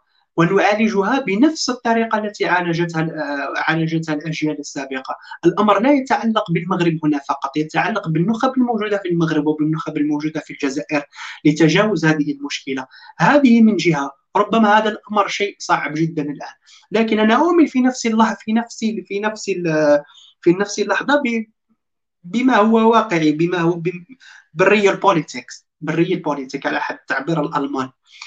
آه، إذا تمكنت الجزائر هنا من أن تصنع من أن تصنع ما سميته في إحدى المقالات سينشر إن شاء الله هذا الأسبوع بالهيمنة الحميدة الإقليمية. طبعا في آه، في في العلاقات الدولية أو في في في نظريات التكاملات هذه الموجودة والتكامل الاندماج الموجودة يطرح يطرح آه، كثير من الباحثين مسألة القيادة. مسألة الدولة القائد مثلا أنها يمكنها أن تقود آه، تقود يعني آه، مجموعة من الدول في إقليمها إلى إلى التكامل ودورها يكون دورها كبير. مثل ما حدث في أوروبا كانت ألمانيا وكانت فرنسا كلاهما قاطرتا الاتحاد الأوروبي أو في روسيا مع الدول الكومنولث التي تدور حولها أو في الصين ومنطقة شنغهاي وكذلك. الجزائر الان في تصوراتي الجيوبوليتيكية أن الجزائر في هذه المنطقة يمكن أن تمارس هذا الدور. دور الهيمنة الإقليمية الحامدة ما يقصد بالهيمنة الإقليمية الحامدة هو ممارسة القيادة وتحمل الأعباء وليس مفهوم الهيمنة ذلك الذي يتحدث عنه تتحدث عنه لا أعرف أنا آه، الهيمنة الكلاسيكية أو هيمنة القوة. ولكن مسألة الإشعاع الثقافي هذه الأشياء تبنى يعني من الداخل. إذا تمكنت الجزائر مثلا والمغرب من بناء من بناء اقتصاديات صلبة من بناء من بناء آه، من بناء أنظمة شرعية أنظمة لا أقول ديمقراطية هنا لا أقول ديمقراطية. آه، صراحة شخصيا لا أؤمن بمسألة الديمقراطية عندي تصورات أخرى خارج الصندوق أصلا يمكن أن نتحدث عنها مستقبلا. لكن إذا تمكنت من بناء شرعية داخل هذه الدول الشرعيه عند شعوبها السياسات الخارجية تبنى من الداخل. إذا تمكن البلدان من إحداث هذا الأمر فبإمكانهما أن يقفا على على مسافة واحدة في آه، في تعاملاتهما. يعني وإذا تمكنت الجزائر من أنها تفرض آه، بأنها تعالج مشاكلها البنيوية الداخلية وأنها تستطيع أن آه، تجعل من اقتصادها دافع أو محفز كبير للقيام للقيام بدور إقليمي ثقيل وتحمل الأعباء. لأن الهيمنة الإقليمية الحميدة تقوم أو benign hegemony تقوم على ما يسمى بتحمل الأعباء تحمل أعباء الجيران. آه، إذا تمكنت الجزائر من ذلك فسوف تجعل المغرب أكثر انجذابا إليها وحتى النخب القادمة مستقبلا أكثر انجذابا للجزائر. هنا عامل الثقافة وعامل آه، كل ما يمس بالمسألة الثقافية أو المسألة الفكرية عامل الإشعاع الثقافي آه، ما سميته في تلك المحاضرة قبل سنة أو وهي ورقة بحثية طويلة أيضا. إن شاء الله نتحدث عنها مستقبلا عن القوة الناعمة الكامنة لهذه الدولة لهذه الدولة المعطلة. إذا تمكنت الجزائر من إرساء هذا الأمر فبإمكانها أيضا أن تجعل المغرب وتجعل تونس وتجعل دول كثيرة أنها أكثر انجذابا إليها. يمكن أن أفس... يمكن أن أشرح ذلك يعني لا, لا يتعلق هذا الأمر فقط في علاقاته مع المغرب وان حتى في علاقاتنا مع الدول الإفريقية، كيف نستطيع أن نصفر مشكلاتنا مع الدول الإفريقية عموما؟ أو كيف نستطيع أن نشيع على هذه الدول الموجودة. ما تقوم به ربما نتحدث عن الدبلوماسية الجزائرية فيما بعد. آه، حتى أفصل في هذه النقطة بالضبط. لا أريد أن أطنب حتى لا أدخل في موضوع آخر يعني. هو هو دخلت في موضوع آخر. ما في مشكلة ما في مشكلة. هو في الحقيقة كما أشرت يعني كانت لك مداخلة في تركيا أنه في في مرحلة الحراك وتتحدث يعني على الثورة الجزائرية وكيف كانت مشعة وكيف كانت الجزائر قبل الثوار وأنك يعني حبيت تكون أنه مرحلة بعد الحراك أنه نصبح يعني ربما قبلة للحراكيين في العالم وكيفاش نقدر نكونوا يعني دولة مشعة. سؤالي في هذا المجال يعني كيف يمكن أن تكون الجزائر مشعة في مجالها حيوي يعني شمال إفريقيا و... و... والساحل والعالم وربما العالم. تفضل. طيب. بالمناسبة تلك المحاضرة هي مبنية على دراسة سابقة كتبتها قبل الحراك 2018 يعني. هي لحد الآن ما زالت بسبب البيروقراطية في الجزائر والعراقيل العراقيل لم تنشر بعد للأسف. آه يعني هي كانت قبل الحراك ثم حاولت أن أكيف شيء معين مع الحراك. طبعا جاءت في 50 صفحة كلها تحاول أن تجيب عن هذا السؤال. كيف نستطيع أن آه، أن نشيع خارجيا أن نفعل مصادر القوة الكامنة الناعمة الموجودة في الجزائر؟ لن أعيد كثيرا الموجود في المحاضرة لأنه يمكن أن المشاهد الكريم إذا آه، إذا كان مهتما يجدها في اليوتيوب. سأتحدث عن أشياء لم أتحدث هناك عنها. وخلي لها تكون بشكل يعني أحداث تجارب شخصية مثلا. تجارب شخصية فقط وهي موجودة في تلك الورقة أيضا. آه، لما جيت لتركيا مثلا هنا آه، سنة 2014 كان عندي دائما يعني التواصل هذا مع الأجانب آه، كان معي مع من الوقت أي أولا أستاذ حتى أعرف هو في الحقيقة كان هناك كما يقال المصريين طلبيات لإضافة يعني أكثر من 30 دقيقة. خاصة يعني العديد من إذا كان أعطيني 10 دقائق ماكسيم أو خمس دقائق أشرح فيها هذه الفكرة فقط. تفضل تفضل. خمس دقائق خذ كل وقت جيد شكرا. قلت لك لما جيت لتركيا هنا في تفاعلي مع مع الطلبه الأجانب موجودين من كافة أنحاء العالم وخاصة مع الأفارقة أو مع العرب أو مع المسلمين لأنه موجود كثير من المسلمين ماليزيا من كذا. كنت دائما أو حتى في سفرياتي مثلا في إيران أو روسيا أو أو مناطق أخرى من دول العالم العربي كنت دائما أطرح هذا السؤال يعني حينما when engaged with someone in conversation. نقول له ماذا تعرف عن الجزائر؟ نقول له ماذا تعرف عن الجزائر؟ آه، في البداية كنت أتصور يعني يعني كشاب هكذا أو كرجل مهتم بالفكر وكذا أني أسمع إجابات. آه، نحن نعرف ما نعرف أنا مالك بن نبي نعرف بن باديس نعرف الاعلام المشعه نعرف فلان نعرف لكن كانت الإجابات التي أتلقاها في تلك المرحلة كانت صادمة لي. تعرف صادمة جدا. مثلا العرب عموما كانوا يقولون أول شيء يبادر إلى ذهني حينما أذكر الجزائر يقول بلد المليون مليون شخص. الحمد لله. ما زال حوالينا مشعه يعني ما زال تحدث أثر. بعدها يقول لك أنا أعرف احلام مستغلبي مثلا. يقول لك أنا أعرف احلام مستغلبي أول شيء بادر إلى ذهني. كنت أرى في ذلك في تلك المرحلة إجابات مستفزة لي جدا. وهذا هذه هذه أنا أتحدث هنا عن الأسباب التي دفعتني أكتب هذه الورقة. أو أحاول أن أراجع ما يسمى الآن بالسياسة الخارجية الجزائرية وأقيم الدور الحقيقي للجزائر. بعضهم يقول لي شاب خالد بعضهم يقول لي زيد زين الدين زيدان جزائري واحد يقول لي بنزيما يعني ما يربط كل هؤلاء هو مسألة ثقافة ومسألة الفن. وقلت كيف هؤلاء لا يعرفون شخصيات مثل مالك بن نبي مثل كذا مثل بن باديس لا أعرف أنا هذه نقامات مشعة في الجزائر. كانت أسئلة يعني إجابات مستفزة جدا لي. لكن أدركت في ذلك في ذلك الوقت بأنه يعني كما نقول واحد ما يعرف علينا شيء. بأنه نحن مقصرون جدا في التعريف بأنفسنا. اتحدث عن النظام السياسي الذي يبني ذهنيته ما زالت ذهنيته كلاسيكية من الحرب الباردة. يتعامل مع عالم يتعامل مع عالم جديد بأدوات قديمة. بأدوات قديمة تسببت حتى الآن لا يعرفون عنا شيء. آه، فقط هذه الرموز. وتأكدت في تلك المرحلة بأن الرموز الفنية والرموز الثقافية هي أكثر قدرة على التعريف بالدول. وكنت كنت أرى يعني آه، أمامي أمثلة يعني عملية من تركيا مثلا. ماذا تقوم به تركيا وكيف أنها تشع وكيف أنها تجلب الطلبه وكيف الطلبه يرجعون. وحتى منهم أصدقاء يعني كانوا يلعبون معي كرة القدم. الآن هو مسؤول في إثيوبيا وفي منطقة أخرى من مناطق إفريقيا. حدثت معي أيضا قصة قصيرة يعني أيضا مع احد أحد الزملاء كان يشاطرني من الغرفة في تلك المرحلة. كنا دائما ندخل في conversation هكذا هو فرانكوفوني من البنين دكتور في الاقتصاد تصور أنا اتحدث عن شخص عادي دكتور في الاقتصاد. في في نفس الأمر أنا تحدثت عنه ماذا تعرف عن الجزائر. كذا دخلنا في في في نقاش. ثم سألني قال لي أنتم لستم لستم أفارقة. لما كنت أقول بأنه نحن نعتز بأنه ننتمي لإفريقيا وانه هذه مجالنا وانه هذه علاقات آه، يعني مجالنا المهم وأنه كذا وكذا. قال لي أنتم لستم لستم أفارقة. أنتم عرب.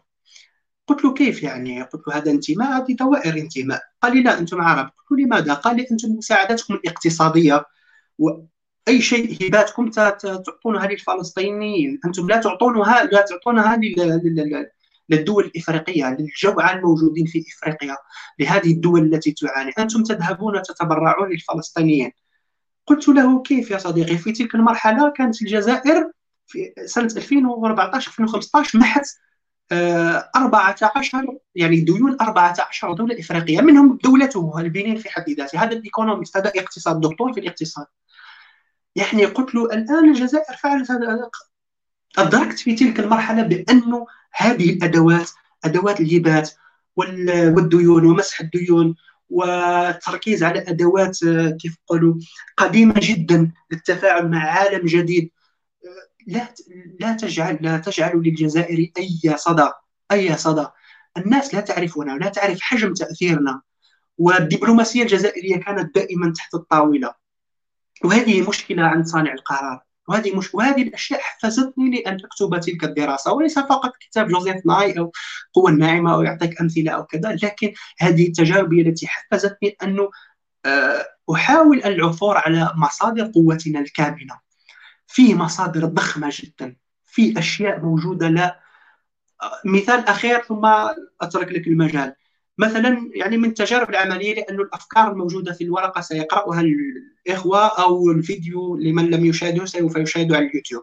لكن هذه الأشياء غير موجودة. مثلا آه، لما كنا ندرس اللغة التركية في العام الأول مع الطلبه هكذا في آخر الحصة آه، يقول لك الأستاذ عمل لنا فيديو من عندك شوف لنا في شيء معين واحد يضع أغنية واحد يضع كذا. والله فكرت وأنا قلت في ذلك الوقت كان الفيديو هذاك تاع Constantine vue du ciel اللي كانت تعرفوا أكيد كلكم شفتوه. قسنطينة من السماء وصوروا بالمناسبة فرنسي للأسف بال drones وكذا. للأسف يعني حتى الجزائريين مثلا. وضعت لهم ذلك الفيديو. تصور يعني وكنت أرى يعني بأم عيني كيف حالة الانبهار للطلبه طلبة من البلقان من آسيا من من إفريقيا من دول من العالم العربي أو حتى من دول أمريكا اللاتينية. كان هناك انبهار جدا. كانوا يقول بعد بعد انتهاء الفيديو كلهم التفتوا الي يصفقون. قالوا لي هذه موجودة في الجزائر؟ قلت لهم هذه الجزائر هذه مدينة واحدة هذه مدينتي بقسنطينه هذه مدينة واحدة من قارة باكملها من قارة من العجائب. قال لي كيف؟ حتى الأستاذ مثلا قال لك أنا حينما أفكر في السياحة أستاذ تركي يعني دار العالم كله يعني أنتم تعرفون جو السفر وامتيازاتهم تسمح لهم بالذهاب إلى كل مكان. قال أنا حينما أفكر في شمال إفريقيا أفكر في تونس أو المغرب. لا أفكر ابدا في الذهاب إلى الجزائر ولم يأتي ابدا في ذهني القدوم إلى الجزائر. طرحت سؤال لماذا؟ لماذا؟ ما هو السبب؟ ما هو ما هي الخلل الموجود في سياستنا الخارجية؟ هذا أمر مرتبط بالسياسة الخارجية. طبعا كيف نستطيع لا نستطيع أن نرسم صورة مشعة للعالم. يعني لما جاء هذا الأستاذ يعني وقت معين عام عامين جاء للجزائر بمناسبة معي يدرس في قسنطينة آه، في جامعة الأمير دروس تركية وكذا.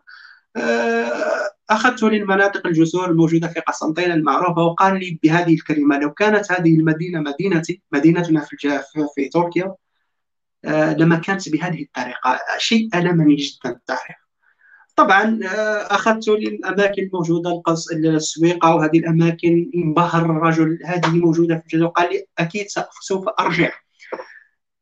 طرحت سؤال لماذا الجزائر لا تستثمر في هذه الأشياء؟ آه، الصحراء الكبرى الموجودة فيها كنوز في أشياء كثيرة جدا. الناس حينما يعني تريها فيديوهات فقط حتى انك يعني انك, إنك هذه المصادر أقول فقط من أجل تفعيل تفعيل الدور الجزائري. نعم تفضل تفضل تفضل فقط حبيت نذكرك باللي في مقالك أنت ذكرت باللي لابد أن الجزائر أن تنشأ يعني جوائز بأسماء يعني علمائنا آه، حتى يعني منح آه، بأسماء علمائنا كمنحة مثال الامير عبد القادر أو منحة يعني بن باديس للشريعة أو منحة طبعا طبعا الأمر متعلق بالمنح سواء بالمنح عدم اقتصارها فقط على الفلسطينيين أو على الطلبة الصحراء الغربية لا نحتاج إلى صنع قادة أصلا في إفريقيا. نحتاجه مستقبلا الآن. نيجيريا تتعامل لو تشوف الخريطة تتعامل مع المغرب. الآن تحاول المغرب انه آه تمرر آه الغاز من من من نيجيريا. الآن الجزائر مثلا كيف تستطيع أن تصنع قادة جدد؟ مثل ما تفعل الآن تركيا مثلا. تركيا الآن تصنع قادة المستقبل عبر تيكا عبر منظمة تيكا هذه أو عبر منظمات ثقافية الموجودة في تركيا. هذا كمثال فقط كمثال فقط. ليس فقط مسألة الجوائز أو المنح ولكن أول شيء يجب أن يبنى هو أنا تعلمت من الأمريكيين شيء لما النقاد السياسة الخارجية الأمريكية. حتى الموالين للمين ستريم يقول لك بأن السياسة الخارجية تبدأ من الداخل. تبدأ من الداخل حينما تحسن البنية التحتيه حينما آه، يشعر المواطن بأن هذا بلد بلده ينتمي إليه حينما تجد آه، حينما تكون عندك مناطق يعني أنا أقول لك شيء مثلا أحد الأتراك قلت له إيش تعرف الجزائر؟ قال لي ما عندكمش الماء. قلت له كيف؟ قال لي هكا سمعت قلت له كيف ما عندناش الماء؟ تصور لأنه عنده أصدقاء هنا قال عندكم مشكلة ماء. تصور. مياه نادرة عندكم. قلت له كيف هذا الأمر يعني؟ ما فيش هذا الأمر الجزائر لكن فهمت أنه عنده أصدقاء والناس اللي تجي لي شونتيي هكا يجيو الأتراك وكانوا يعاشوا مشكلة المياه انقطاع المياه. تصور بانه هذا ما ما يراه الآخرين عنا. فيه مثلا المراكز الثقافية الصين تشيع بمراكز كونفوشيوس تركيا تشيع بمراكز يونس إيمري. آه، فرنسا تشيع بمراكز سياسية عبر العالم. كل الدول تستخدم دبلوماسيتها الثقافية آه، هذا الأمر لا يرتبط فقط بذهنية الدولة ولكن بذهنية المجتمع لأن القوة الناعمة للدولة لا تبنيها فقط لا يبنيها النظام السياسي وإنما المجتمع المدني أيضا والنخب المثقفين. الإعلام الإعلام مهم جدا في هذا العصر. الإعلام هو الذي يصنع لك صوره تصور بأن هذه نيجيريا التي نحتقرها لو قلت نيجيريا الآن هي قوة ضاربة في إفريقيا تحتك 200 مليون نسمة آه عندهم كيف خلقوا يعني سينما موازية لبوليود ولهوليود تسمى نوليود أعتقد. فيه دول حتى إفريقية تقدمت للأمام صارت السياحة عندها بشكل رهيب. لماذا الجزائر الآن لا تستطيع أن تفعل هذه المصادر. هذه المشكلة التي موجودة عندنا. فيه آليات كثيرة. نتحدث في ذلك المقال عن مصادر القوة التاريخية ومصادر قوة الجغرافيا والمصادر يعني المصادر الثقافية والفكرية وتحدثت عن مصادر أخرى. يعني حتى اللباس مثلا. الآن لما تتحدث مع الأتراك والعرب يقول لك الشاي ها يقول لك التاي هذا المغربي. لا تجاهلتم وجود قارة كبيرة لنا الكسكسي يقول لك لا هذا مغربي مشهور بأنه مغربي. آه، يقول لك مثلا حتى اللباس لباس لباس النساء مثلا في الأعراس القفطان وهذه الأشياء كلها. نتحدث عن هذه الأشياء في المقال الأشياء الثقافية هذه والأكل والملبس وكل شيء. يعني المغرب يستثمر يعني يستثمر أحسن منا أقولها بكل يعني بكل ألم وبكل موضوعية يستثمر أحسن منا في صنع صورة في صورة مشعة ولو على حسب يعني على حسب أشياء كثيرة داخل المغرب. لكن موجه يعني حتى مثلا أعطيكم مثال شاب خالد مثلا تم منحه الجنسية المغربية صحيح؟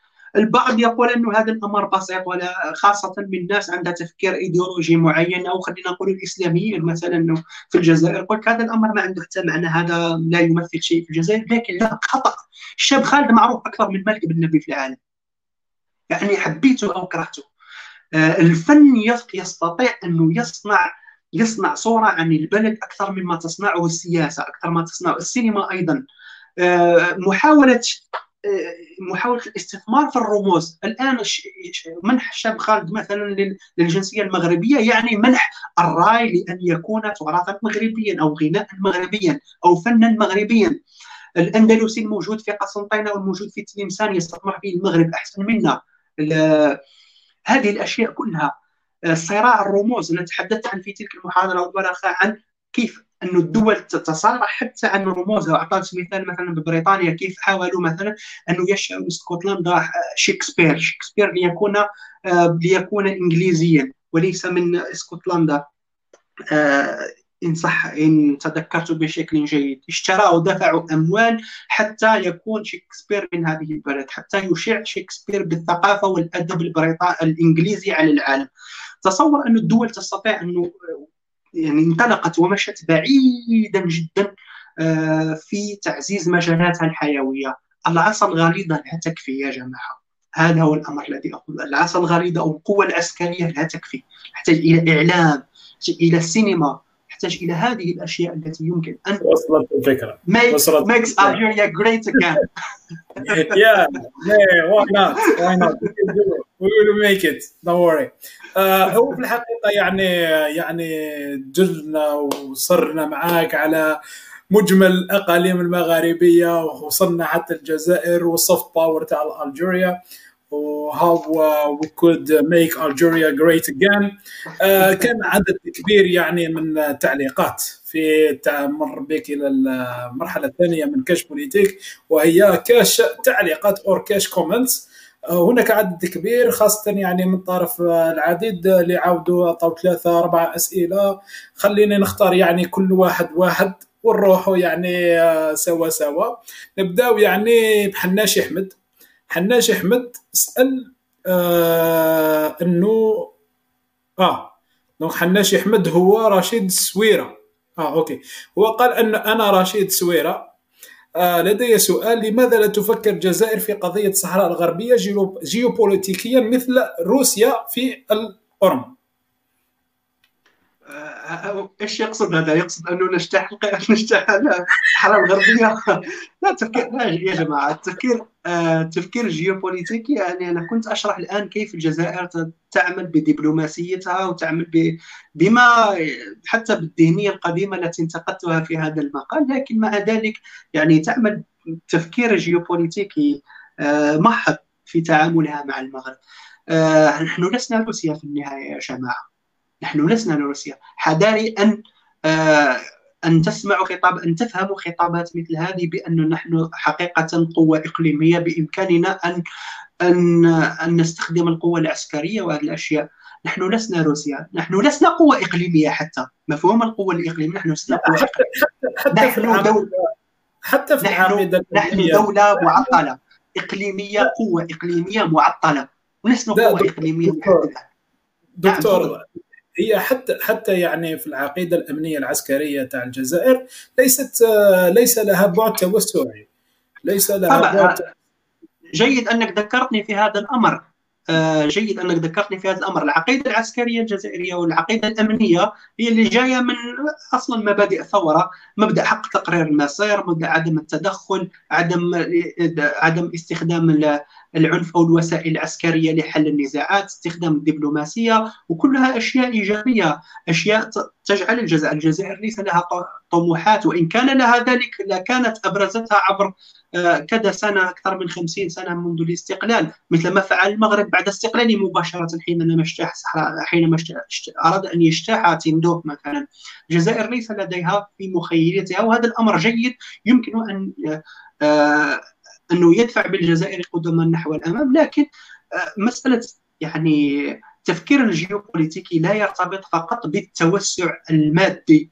أنا كنت أتحدث الآن عن عن عن عن الإشعاع الثقافي أو عن قوه تفعيل مصادر القوة الناعمة الكاملة. هذا بهذه الطريقة بالثقافة وبهذه الأشياء يمكنك أن تخلق لك ليس فقط مجالا واحدا آه، جاذبا سواء للجيران على اليمين وعلى الشمال أو أو أو لحل المساله الصحراويه ولكن حتى على المستوى الإقليمي على المستوى العربي على المستوى الإفريقي على المستوى الفرنكوفوني العالم الفرنكوفوني لأنه فيه دوائر كثيرة. من دون أن تهدد مبادئك التي بنيت على هذه المبادئ إذا أراد آه، صانع القرار أنه يبقيها وأنه تكون مقدسة عدم التدخل هذه الأشياء طريقة تفعيل القوى الناعمة كمنظور جيوبوليتيكي الآن. أراها كمنظور خلق مجالات نفوذ خلق مجالات نفوذ يعني جغرافية واسعة جدا. الثقافة تسافر الإعلام يسافر الصورة تسافر. أكثر مما تسافر القوه العسكرية ولها القابلية على الدخول للمنازل. هكذا. هذه الفكرة التي يجب أن نفهمها. الجيوبوليتيكا لا تعني فقط الاحتلال أيضا حذاري أن ننجرف أن ننجرف لأي دعوات تدفع الجزائر إلى أن تتدخل عسكريا في جوارها الإقليمي حذاري ثم حذاري ثم حذاري. هذا الأمر سوف يجعلنا مثل العراق الذي ضخم وأراد أن يمارس دور لا يمكنه أن يمارسه أكبر منه في منطقته أو لا يتوفر على إمكانياته أو أن بيئته معادية إلى درجة أنه لم يحسن قراءة لم يحسن قراءة هذه البيئة. فانجرف وذهب العراق. حذاري أن ننجرف لهذه الأشياء. خاصة وأن المغ... أن العراق يعني تتدخل في في الكويت. آه خلينا نروح يعني سؤال آخر لكروش محمد وبعجالة أرجوك يعني الدكتور عندنا 10 دقائق لازم نكملهم يعني في عجالة. هل يمكن يعني اعتبار ما يحدث في الصحراء الغربية نكسة للسياسه الخارجيه الجزائريه خاصة وأنها تزامنت مع إجراء آه، المفاوضات بين فرقاء الأزمة الليبية في المغرب ثم مؤخرا في تونس واستثناء الإمارات الجزائريين من التأشيرة هذه ما كاش من هذه ابارامون زيادة محمد كروش وكذا التصريحات الاستفزازية لماكرون والتي تعتبر تدخلا صارخا في الشأن الداخلي الجزائر دون رد رسمي جزائري. طبعا هذه نتائج نحن الآن نعيش نتائج هذا التراجع وهذا الفراغ الفراغ الذي تركته الجزائر الفراغ التقليدي حتى يعني منذ 2013 هذه نتائج الآن ما إذا إذا سمعت الليبيين بأنهم لا يريدون بأنهم لا يريدون وساطة جزائرية أو لا يريدون آه، دور الجزائريين أو أنهم ينتقدون كما أسمع مثلا هنا أو ينتقدون الدور الجزائري مثلا في في ليبيا لماذا لا تمارست أو إذا آه، إذا سمعتم بأن الجزائر الآن آه، بقيت مكتفة اليدين في مسألة الصحراء الغربية وأن دول مثل دول الخليج صارت تمارس عنجهيتها على الجزائر وبأنها صارت لها صوت وأنها تحشد حتى مثقفين. كنا نعتبرهم بأنهم مثقفين. ذوي يعني تفكير تفكير تفكير قيمي إن صح التعبير أو مدافعين شرسين عن حقوق الإنسان من دون أن نسمي أسماء. كلها. طبعا هذه هذا فشل من هذا أعتبره فشل للدبلوماسية الجزائرية. هذا فشل. يجب أن نرى الأمر بش... ب... ب... ب... آه... بكل موضوعية. أعتبره فشل. طبعا الفشل في مستويات. يعني طبعا الفشل في مستويات. في مستويات. أستاذ نعم، فقط. أريد يعني تذكير يعني المستمعين أنه يعني هذا النكسة اللي عاشتها السياسة الخارجية الجزائرية كانت في النظام مرحلة النظام السابق يعني مرحلة بوتفليقه آه، يعني خليني نمر سؤال آخر إذا حبيت زعما نستثمر منك الوقت باش ندو عدد من التعليقات. هناك يعني سارة سارة سألت يعني أستاذ لماذا لا تتنازل عن النزعة الواقعية ونتجه أو لماذا لا نتنازل عن النزعة الواقعية ونتجه نحو ما توجهت به الدول الأوروبية وما يسمى بالاتحاد الأوروبي. ورأوا في الصراع بين فرنسا وألمانيا أنه شيء يجب تعديه والتركيز أكثر نحو آه، وحدة أوروبا. يعني أنا يتحدث حول العلاقات ما بين الجزائر والمغرب والذهاب إلى وحدة الاتحاد المغاربي. طبعا أنا أرى انه القياس يعني القياس مع الفارق هذا قياس آه، مضلل لا أقول أنه صح آه، لا يوجد ربما شخص أكثر مني يريد أن يفعل هذه الأشياء الثقافية والمعيارية وحتى الاقتصادية من أجل التقريب بين بين الجزائر وبين المغرب بين تونس وبناء منطقة مغاربية كبيرة. يعني بناء ثقل جيوبوليتيكي يعني في هذه المنطقة. لا أحد أكثر مني يعني يعرف قيمة هذه الثقافة وقيمة هذه الأشياء. أنا أقول للأستاذة مثلا للأستاذة سارة أو أي من الأساتذة إذا كنت أنت في في مكان صانع القرار وتفكر بهذه الطريقة إذا كنت في في مكان صانع القرار وتريد أن تفكر بهذه الطريقة فهل سيسمح لك الواقع وهل ستسمح لك المعطيات الموجودة بأنك تفكر بهذه الطريقة في حين أنه آه، في حين أنه مثلا الجيران يتبنون ريال بوليتيك في, في, مواجهتك. من المستحيل من الصعب أنه نتحدث عن أمثلة ونسقط ونسقطها بطريقة يعني بطريقة مباشرة هكذا من دون انه نقرأ الظروف التي آه، ساعدت كلا القوتين. في أوروبا مثلا آه، لم تكن لم تكن المعايير هي التي دفعت بين فرنسا وألمانيا انه يتقاربان كان في أيضا دور الولايات المتحدة الأمريكية. كان في أيضا مشروع مارشال دور الولايات المتحدة الأمريكية القيادي في التقريب بين في صناعة كتلة يمكنها أن تجعل ألمانيا دائما آه، دولة محاطة أو عدم حتى تضمن عدم عدم صعود نزعة عسكرية أو نازية مثل ما كانت في هتلر. في مقابل ذلك فيه كانت كانت روسيا تهدد أو الاتحاد السوفيتي كان يهدد كان يبرز نفسه كمنافس للولايات المتحدة الأمريكية فكانت الولايات المتحدة الأمريكية تريد أن تصنع قوة أو كتلة تستطيع أن تتحدى بهذه لكن في الجز... أنا تحدثت في السابق عن دور القيادة دور الدولة القائد في صناعة هذه التكتلات. كانت realpolitik لم تكن وكما قال الوظيفيين كانت realpolitik هي التي هي التي أقامت أوروبا مثل ما نراها اليوم. ثم فيما بعد جاءت أجيال وركزت على المسائل الثقافية والمسائل الاقتصادية وتعزز هذا الأمر. ويمكن الآن أنه أجل. لذلك أنا تحدثت قبل قليل عن دور الجزائر يجب أن تمارس البناين هيجيموني سترون هذا الأمر يعني هذا الأسبوع بإذن الله بشكل مفصل في مقال سيصدر هذه الأيام إن شاء الله, إن شاء الله. أشرح في هذه الفكرة بشكل جيد. خلينا ناخذ تعليق آخر لنورا فنان وفي نفس يعني بنفس السياق هو ما هو مستقبل مشروع الاتحاد المغرب العربي في ظل هذا المشهد؟ والله يعني سؤال سؤال صعب جدا أنه أنا دائما اتجنب أتجنب الأسئلة. لا أستطيع أن أجيب عن المستقبل. طبعا مهما كانت المعطيات مهما كانت التصورات مسألة الاستشراف والتنبؤ صعبة جدا يا جماعة. صعبة جدا أنه آه، أصلا أنا أريد أن أخرج آه، أن أساهم في التفكير في في جعل الناس تفكر خارج الصندوق. هل نحتاج إلى اتحاد مغاربي؟ هذا سؤال طرحناه يعني طرحناه بيننا؟ هل نحتاج إلى هذه الصيغة يعني مستقبلا؟ لماذا لا نفكر في قوالب جيوبوليتيكية أخرى مساهمة يعني في تقريب هذه الدول لبعضها البعض؟ يعني آه، إذا كان هذا الاتحاد معطل لا يعني الاتحاد هو مبني أساسا على منظمة دور مؤسسة معينة لماذا لا نبني هذا الاتحاد بخلاف هذه بعيدا عن هذه المؤسسات. أنا طرحت فكرة الآن مسألة الهيمنة الإقليمية الحميده الدولة القائده التي يمكن أن تجعل إقليمها مستقرا.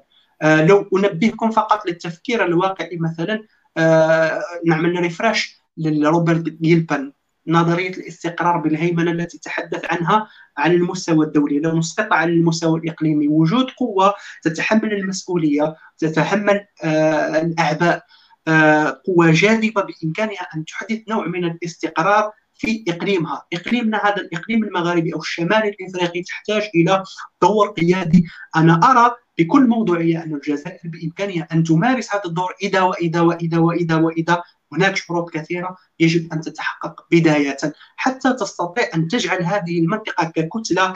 آه، يعني باختصار أنا تحدثت في ذلك المقال الذي سيصدر إن شاء الله هذا الأسبوع دراسة طويلة عن ما سميته بالتفكير الجغرافي يعني العابر التفكير الجغرافي العابر. هكذا. أعطيكم عنوان بشكل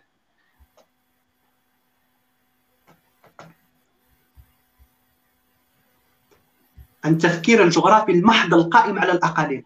التفكير الجغرافي المحض القائم على الأقاليم.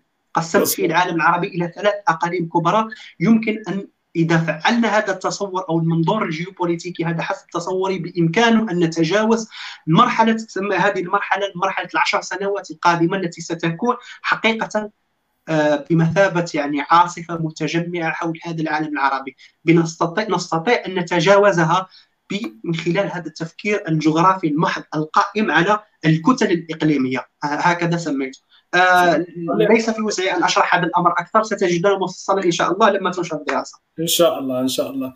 هو في الحقيقة كاين سؤال لزهرة بال تقول دخول فواعل دولية في المنطقة كالإمارات والكيان الإسرائيلي آه في تفجير الوضع ويؤدي في استنزاف المنطقة آه، هل تقول أن الجزائر تأخرت في حل القضية وتصفية الاستعمار المغربي؟ والله الأمر لا يتعلق هنا بالتأخر الجزائري فقط. أنا قلت لك الجزائر فقط عامل واحد يعني فاعل واحد في هذه المسألة. هناك فواعل كثيرة نتحدث عن الإقليمية والدولية وكل شيء. طبعا آه ما زال المنظور الجزائري يقول بأن الجزائر ليست طرف. صحيح ليست طرف في النزاع. النزاع بين بين المغرب وبين الصحراويين بين البوليزاري والشعب الصحراوي وبين الاحتلال المغربي. وهؤلاء الطرفين والجزائر فقط تدعم مسألة حق الشعوب في تقرير مصيرها كما دعمت الفلسطينيين هناك كما دعمت حركة التحرر. وهذه مسألة تصفية استعمار وفقط. هي آه، طبعا هذه العقلية طبعا نعم؟ آه، الجزائر فقط للعلم دفعت على أكثر من 15 قضية يعني. طبعا. ما ما أجل. يعني لذا سميت قبلة الثوار يعني لذا سميت قبلة الثوار أيوه. آه يعني هذه الطريقة الكلاسيكية في التعامل مع هذه مع هذه المشكلات هي التي جعلت دول أخرى تأتي إلى إقليمنا وأنها تمارس نفوذ وأنها تطيل من عمر الأزمة مركبات مركبات الصناعية العسكرية الغربية وغير الغربية تستثمر في هذه الأزمة وتريد أنها تستمر. آه حل هذه الأزمة لا يتوقف فقط على الجزائر يا جماعة. هناك يعني تداخل كبير. لم أفصل ربما بشكل جيد عن عن دور عن الصين عن روسيا عن تركيا عن الإمارات عن قطر عن هذه كل هذه الدول. هناك تفاعل كبير في هذه لذلك نحن صح مقبلون على عاصفة متجمعة حول هذه المنطقة. الأمر لا يرتبط فقط بالجزائر. آه الأمر الآن إذا إذا المغاربة تعقلوا إذا نظام المخزن تعقل إذا الشعب المغربي عرف بأنه بانه بأنه من المستحيل أنه يبقى ضحية لهذه الخيال الجيوبوليتيكي هذا المغربي. أنا قلت في كم كم مرة أنا مستعد أنا شخصيا ما عندي حتى مشكلة بأن تكون هذه الأرض مثلا أرض مغربية إذا قبل الصحراويين بأن تكون جزءا من المغرب. استقرار المغرب وقوته من استقرار الجزائر والعكس. لكن المغرب يستمر بالتفكير اللا عقلاني الأمر الآن متوقف في يد المخزن في نظام المخزن وفي يد الشعب المغربي قبل كل شيء في يد الشعب المغربي الذي مثل ما نحن في الجزائر نطمح وندفع إلى إلى محاولة دمقرطه هذه الدولة وأن نتجاوز العقلية الذهنية العسكرية التي سيطرت على كل القطاعات. يجب على المغاربة أيضا انه يتجاوزوا هذا المخيال المصطنع المخيال الجيوبوليتيكي الذي رسخه نظام نظام المخزن في أذهانهم أنه يأتي جيل يفكر بهذه القضية بطريقة أكثر عقلانية وأنه يسمح لهؤلاء الناس المقهورين الصحراويين بأنهم يقيمون دولتهم أو يقررون مصيرهم فقط. ولو كان هذا المصير أنه يكونوا جزء من المغرب. سنقول في الجزائر حينها مبارك للمغرب ويعني إن شاء الله تكون يعني ندعم كل هذا الاستقرار الموجود في المغرب. ولو كنت صانع قرار لفكرت بهذه الطريقة ولا عملت على هذه الطريقة. اذا القضية ليست قضية مرتبطة بالجزائر وحسب. وهو في الحقيقة نفس السؤال يعني سعد إبراهيم وأنت راك أجبت عليه. يعني سؤال آخر آه، طرحه كمان مزيان. آه، هو قال يعني Qui sont nos alliés économiques et militaire actuelle Il parle de l'Algérie. من هم يتحدث آه، عن من من هم من هم حلفائنا الاقتصاديين والعسكريين. حاليا. طبعا من الناحية العسكرية معروف انه روسيا هي هي الداعم الأول للجزائر. طبعا هذه الأمور ترجع عندها خلفياتها التاريخية. آه، قلت قبل قليل أنه 52% من السلاح الروسي المورد لإفريقيا من تشتري الجزائر. روسيا تبيع حتى منظومات هذه المتطورة مثل آه، الأس 400 آه، هذه نظام الدفاع أو حتى في معلومات تقول الأس 500 هذه أيضا يمكن أن الجزائر أن تشتريها. تبيعها فقط لدول قليلة جدا. دول قليلة جدا وهذا يدل على أنه هناك تحالف عسكري أو علاقات عسكرية قوية. حتى صواريخ الإسكندر هذه التي بدت قبل أيام يعني في التجارب في الصحراء. يعني هذه الصواريخ لا تبيعها لا لم تبيعها روسيا إلا لبعض الدول منها الجزائر. يعني الحليف العسكري الأول للجزائر هو هم الروس. من الناحية الاقتصادية الصين تعتبر هي المستثمر الأول في الجزائر. يعني تجاوزت حتى فرنسا سنة 2012 ان لم تخني الذاكرة. تجاوزت حجم الاستثمارات الصينية في الجزائر يعني الفرنسيه في حين أن الصين هي المستثمر الثالث بالنسبة للمغرب بعد الاتحاد الأوروبي والولايات المتحدة الأمريكية. يعني آه، تعتبر أيضا الصين داعم داعم اقتصادي وهذا الأمر أيضا عنده جذور تاريخيه يرجع لمرحلة ما قبل الثورة حتى يعني ما قبل الثورة الجزائرية. يعني هؤلاء هم الحلفاء الأساسيين للجزائر لكن الجزائر تحاول خاصة منذ مجيء بوتفليقه يعني في من الإيجابيات في السياسة الخارجية وأن نفعل حقيقة السياسة الخارجية أن نحاول أن يجد احلاف أخرى خارج يعني لا انه ينفتح على الانجلو ساكسون على الولايات المتحده الأمريكية أو حتى على يعني حتى عند الصينيين حتى صارت الجزائر تورد بعض الأسلحة من الصين. يعني لم يبقى فقط وإن كان الروسيين هم الأوائل لكن لم يبقى الروسيين فقط محتلين آه، كافة يعني محتكرين أقول للقطاع العسكري. آه، الحلفاء الاقتصاديين طبعا الجزائر تحتاج إلى بناء اقتصاد قبل كل شيء حتى نتحدث أو قبل يعني عن التحالف الاقتصادي.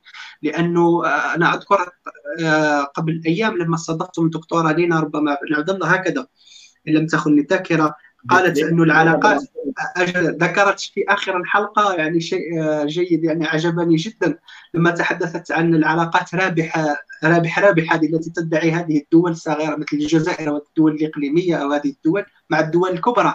تقول أنه رابح ب capital والرابح الآخر بال... بال... مش بال capital letter يعني. يعني فيه الربح صحيح أنه رابح وين وين؟ قالت وين وين؟ الدبليو الأولى هي كبيرة الثانية هي صغيرة. هكذا هي العلاقات بين هذه الدول بين لذلك كلمة حتى التحالف تحتاج إلى إعادة نظر يعني. خلينا آه، خلينا نشوفوا يعني قد نسقط في الديون قد نسقط في فخ الديون الصينية مستقبلا. أكيد. محتمل أكيد. يعني. خلينا يعني نأخذ آخر آه، تعليق وهو من تعليق أنور آه، سي كيو. اسمح لي إذا نطقت مليح يعني الاسم وإذا اخطات يعني اسمح لي. آه، السلام عليكم أستاذ اساتذتي الكرام. إذا أمكن بعد إذنكم تقديم كلمة حول وضع وضعية فرنسا تجاه منطقه شمال إفريقيا. وكذا تكهنات الأستاذ جلال حول مستقبل الدور الفرنسي بكي قال لي أستاذ جلال تفكرت آه، بكري كنا نشوفوا واحد الحصة تاع العائلة. كان المقدم الحصة واسمه جلال؟ إذا تشبه عليها تاع 90 وكذا تكهنات الأستاذ جلال حول مستقبل الدور الفرنسي التركي والأمريكي في شمال إفريقيا. شكرا على الاستاذ أنور على هذا السؤال. هو سؤال طويل جدا يمكن أن نقضي معه خمس ساعات أخرى. نتحدث عن تركيا وفرنسا والولايات المتحده الامريكيه طبعا بالنسبة يعني نعم. أنا تحدثت سابقا عن دور فرنسا في شمال إفريقيا وفي الجزائر خصوصا لأن الجزائر تعتبر هي البوابة الأولى لفرنسا. يعني حتى وإن كان المغرب يعتبر حليف. كبير لكن الجزائر مهمة جدا بالنسبة لفرنسا ونفوذها في الجزائر أراه يتراجع بشكل رهيب جدا مقارنة بما حدث في السابق. نتحدث الآن من الناحية العسكرية من هم يعني من هو المحتكر أو من هم المستثمرين؟ الأوائل آه، من الناحية الاقتصادية وأيضا من يبيع السلاح والمورد السلاح الأساسي للجزائر. يعني من الناحية العسكرية هي ليست فرنسا ولا الاقتصادية فرنسا. هناك العالم يتحول يا جماعة. النفوذ الفرنسي في الجزائر إذا أردت أن تقيسه فلا يمكن أن تجد إلا إلا بعض الشركات الاقتصادية وغير لا تستطيع أن تقارنها أصلا مع الصينيين ومع دول أخرى وحتى مع الأتراك الآن في منافسة قوية بين تركيا وفرنسا في إفريقيا وفي الجزائر. أه، ولن تجده إلا في المستوى الثقافي. عن فرنسا لا زالت إلى اليوم تستثمر في آه، في النخب الثقافية الموجودة في الفرنكوفونية في محاولة بناء نخب تتوافق معها أو من خلالها حتى مستقبلا من خلالها الجيوبوليتيكي يرى في فرنسا أنها الحليف الأول. يعني دائما في هذه المخيلات آه، تصنع الجراند استراتيجي تاع الدول. آه، حينما ترى يعني المخيلات هي التي تضع من هو العدو ومن هو الصديق. التهديد تحاول فرنسا مستقبلا عبر هذه النخب الثقافية وعبر الاستثمار الثقافي بأنه آه، تنزع من الجزائريين بأن التهديد يأتي من من الشمال من فرنسا. هكذا. وتلغي كل ذلك الإرث التاريخي البائس الذي صنعته فرنسا في الجزائر. الاستثمار في النخب هذه الفكرية هو كان دوما وسيلة الفرنسيين في محاولة أن إبقاء هذه الدول تحت سيطرتها عبر المنظمات الفرنكوفونية وعبر وعبر وعبر وعبر. أنتم تعرفون القصة أحسن مني. هذا هو قياسا بالدور الفرنسي. الآن في تراجع رهيب جدا. التحولات الموجودة في النظام السياسي الجزائري التي يمكن أن ترهن أن أن تحدد مستقبلا طبيعة العلاقات الجزائرية الفرنسية.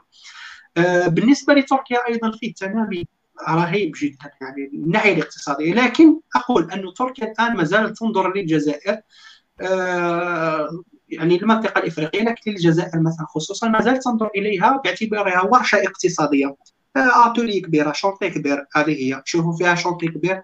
مازال الاتراك لا يرون في الجزائر لا يفكرون في الجزائر باعتبارها إمكانية اعتبارها حليف استراتيجي كبير نظرا لأنه معتبرين بأن الجزائر وفرنسا ما زال بينهما ارتباط استراتيجي وهذا يعيق أي تواصل مستقبلا أو بناء علاقات استراتيجية بين الجزائر وتركيا. طبعا دائما المخيلات التي المصنوعة في الموجودة في ذهن صانع القرار دائما ما تحدد طبيعة علاقته مع الدول.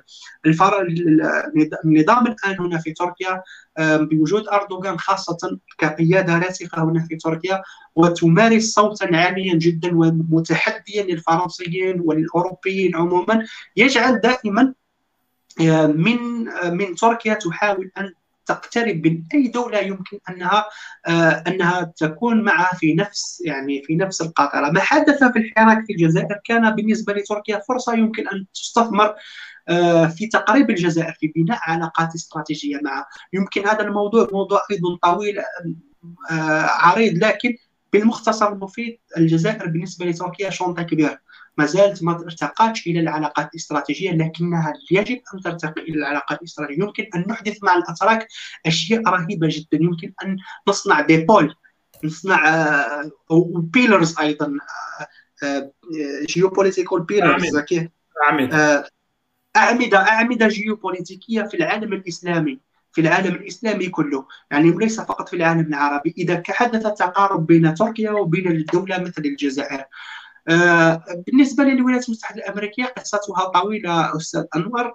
آه يمكن الآن الآن الولايات المتحدة الأمريكية يحدث هناك آه هناك انتقال في أو عودة الولايات المتحدة إلى ما كانت عليه إلى ما ما ما يسمى بال liberal internationalism ال internationalism أو النزعة الأممية الليبرالية مع جون بايدن آه، يمكن للولايات المتحده الأمريكية أن مستقبلا ستمنح الجزائر يعني آه، أهمية أهمية كبيرة يعني. لا أقول كبيرة جدا خلال الخمس سنوات الأولى لأن الخمس سنوات الأولى ستكون الولايات المتحده الأمريكية مشغولة ببناء داخلها بإصلاح أزمة الديمقراطية التي تعتريها الآن. هذا موضوع يحتاج إلى حلقة مفصلة يعني بكل صراحة آه، كيف الولايات المتحده الأمريكية مع بايدن ستتصرف مع المنطقة مع المنطقة. يعني ما يحدث الآن آه، قد يخدم يخدم تصورات الجزائرية. يمكن للجزائر أن تجد تجد مساحات تقارب مع مع الولايات المتحده الأمريكية أنه تستثمر في علاقاتها خاصة تفعيل دور المينورسو مثلا في ازمه أزمة الصحراء الغربية. لأنه ال internationalist هذا من ال liberal internationalist يعطوا أهمية كبرى أو الويلسونيون هذا أيضا يسمى نسبة للرئيس ويلسون. يعطون أهمية كبيرة لدور المنظمات ومسألة حقوق الإنسان وهذه المسائل. لذلك أنا أتوقع بأنه دور المينورسو ودور هذه المنظمات سيكون أكثر فعالية وستتجه الولايات المتحدة الأمريكية إلى إلى تفعيلها حتى يحل النزاع، لذلك أقول أن المغرب الآن يحاول استغلال هذه الفراغ الموجود قبل أن يأتي بايدن ويتسلم السلطة وأن يفرض منطق القوة منطق الواقع آه، إذا إذا حسم هذه القضية، إذا حسم هذه القضية لن يأتي فيما بعد. جو بايدن ليعيد أنه يعيد احيائها ربما قد يبارك هذا الأمر آه، خاصة وأن الضغط الإسرائيلي راه قوي جدا. اللوبي الإسرائيلي هنا وأن بايدن يتعهد بحماية أمن إسرائيل وبمجالاته الحيوية. الدور آه، الأمريكي يحتاج إلى تفصيل أكبر لكن أكتفي بهذه الفكرة.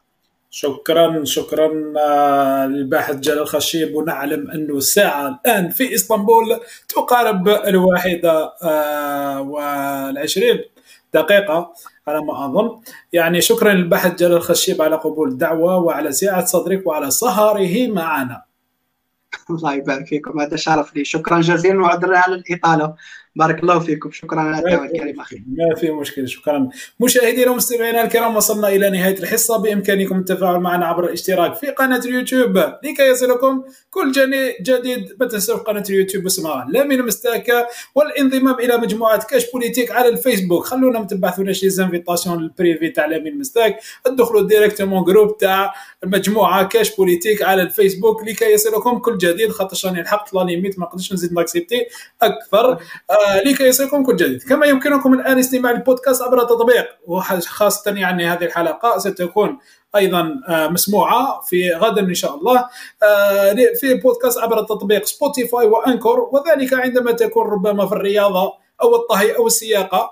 راك آه، حبيت تسمع أستاذ جلال خشيب ادخل بودكاست تاع كاش بوليتيك في Spotify وتسمع البودا وتسمع يعني المحاضرة تاع اليوم. شكرا على طيب متابعتكم. دمتم في أمان الله وحفظه والسلام عليكم ورحمة الله تعالى وبركاته. سلام. السلام عليكم. في أمان الله.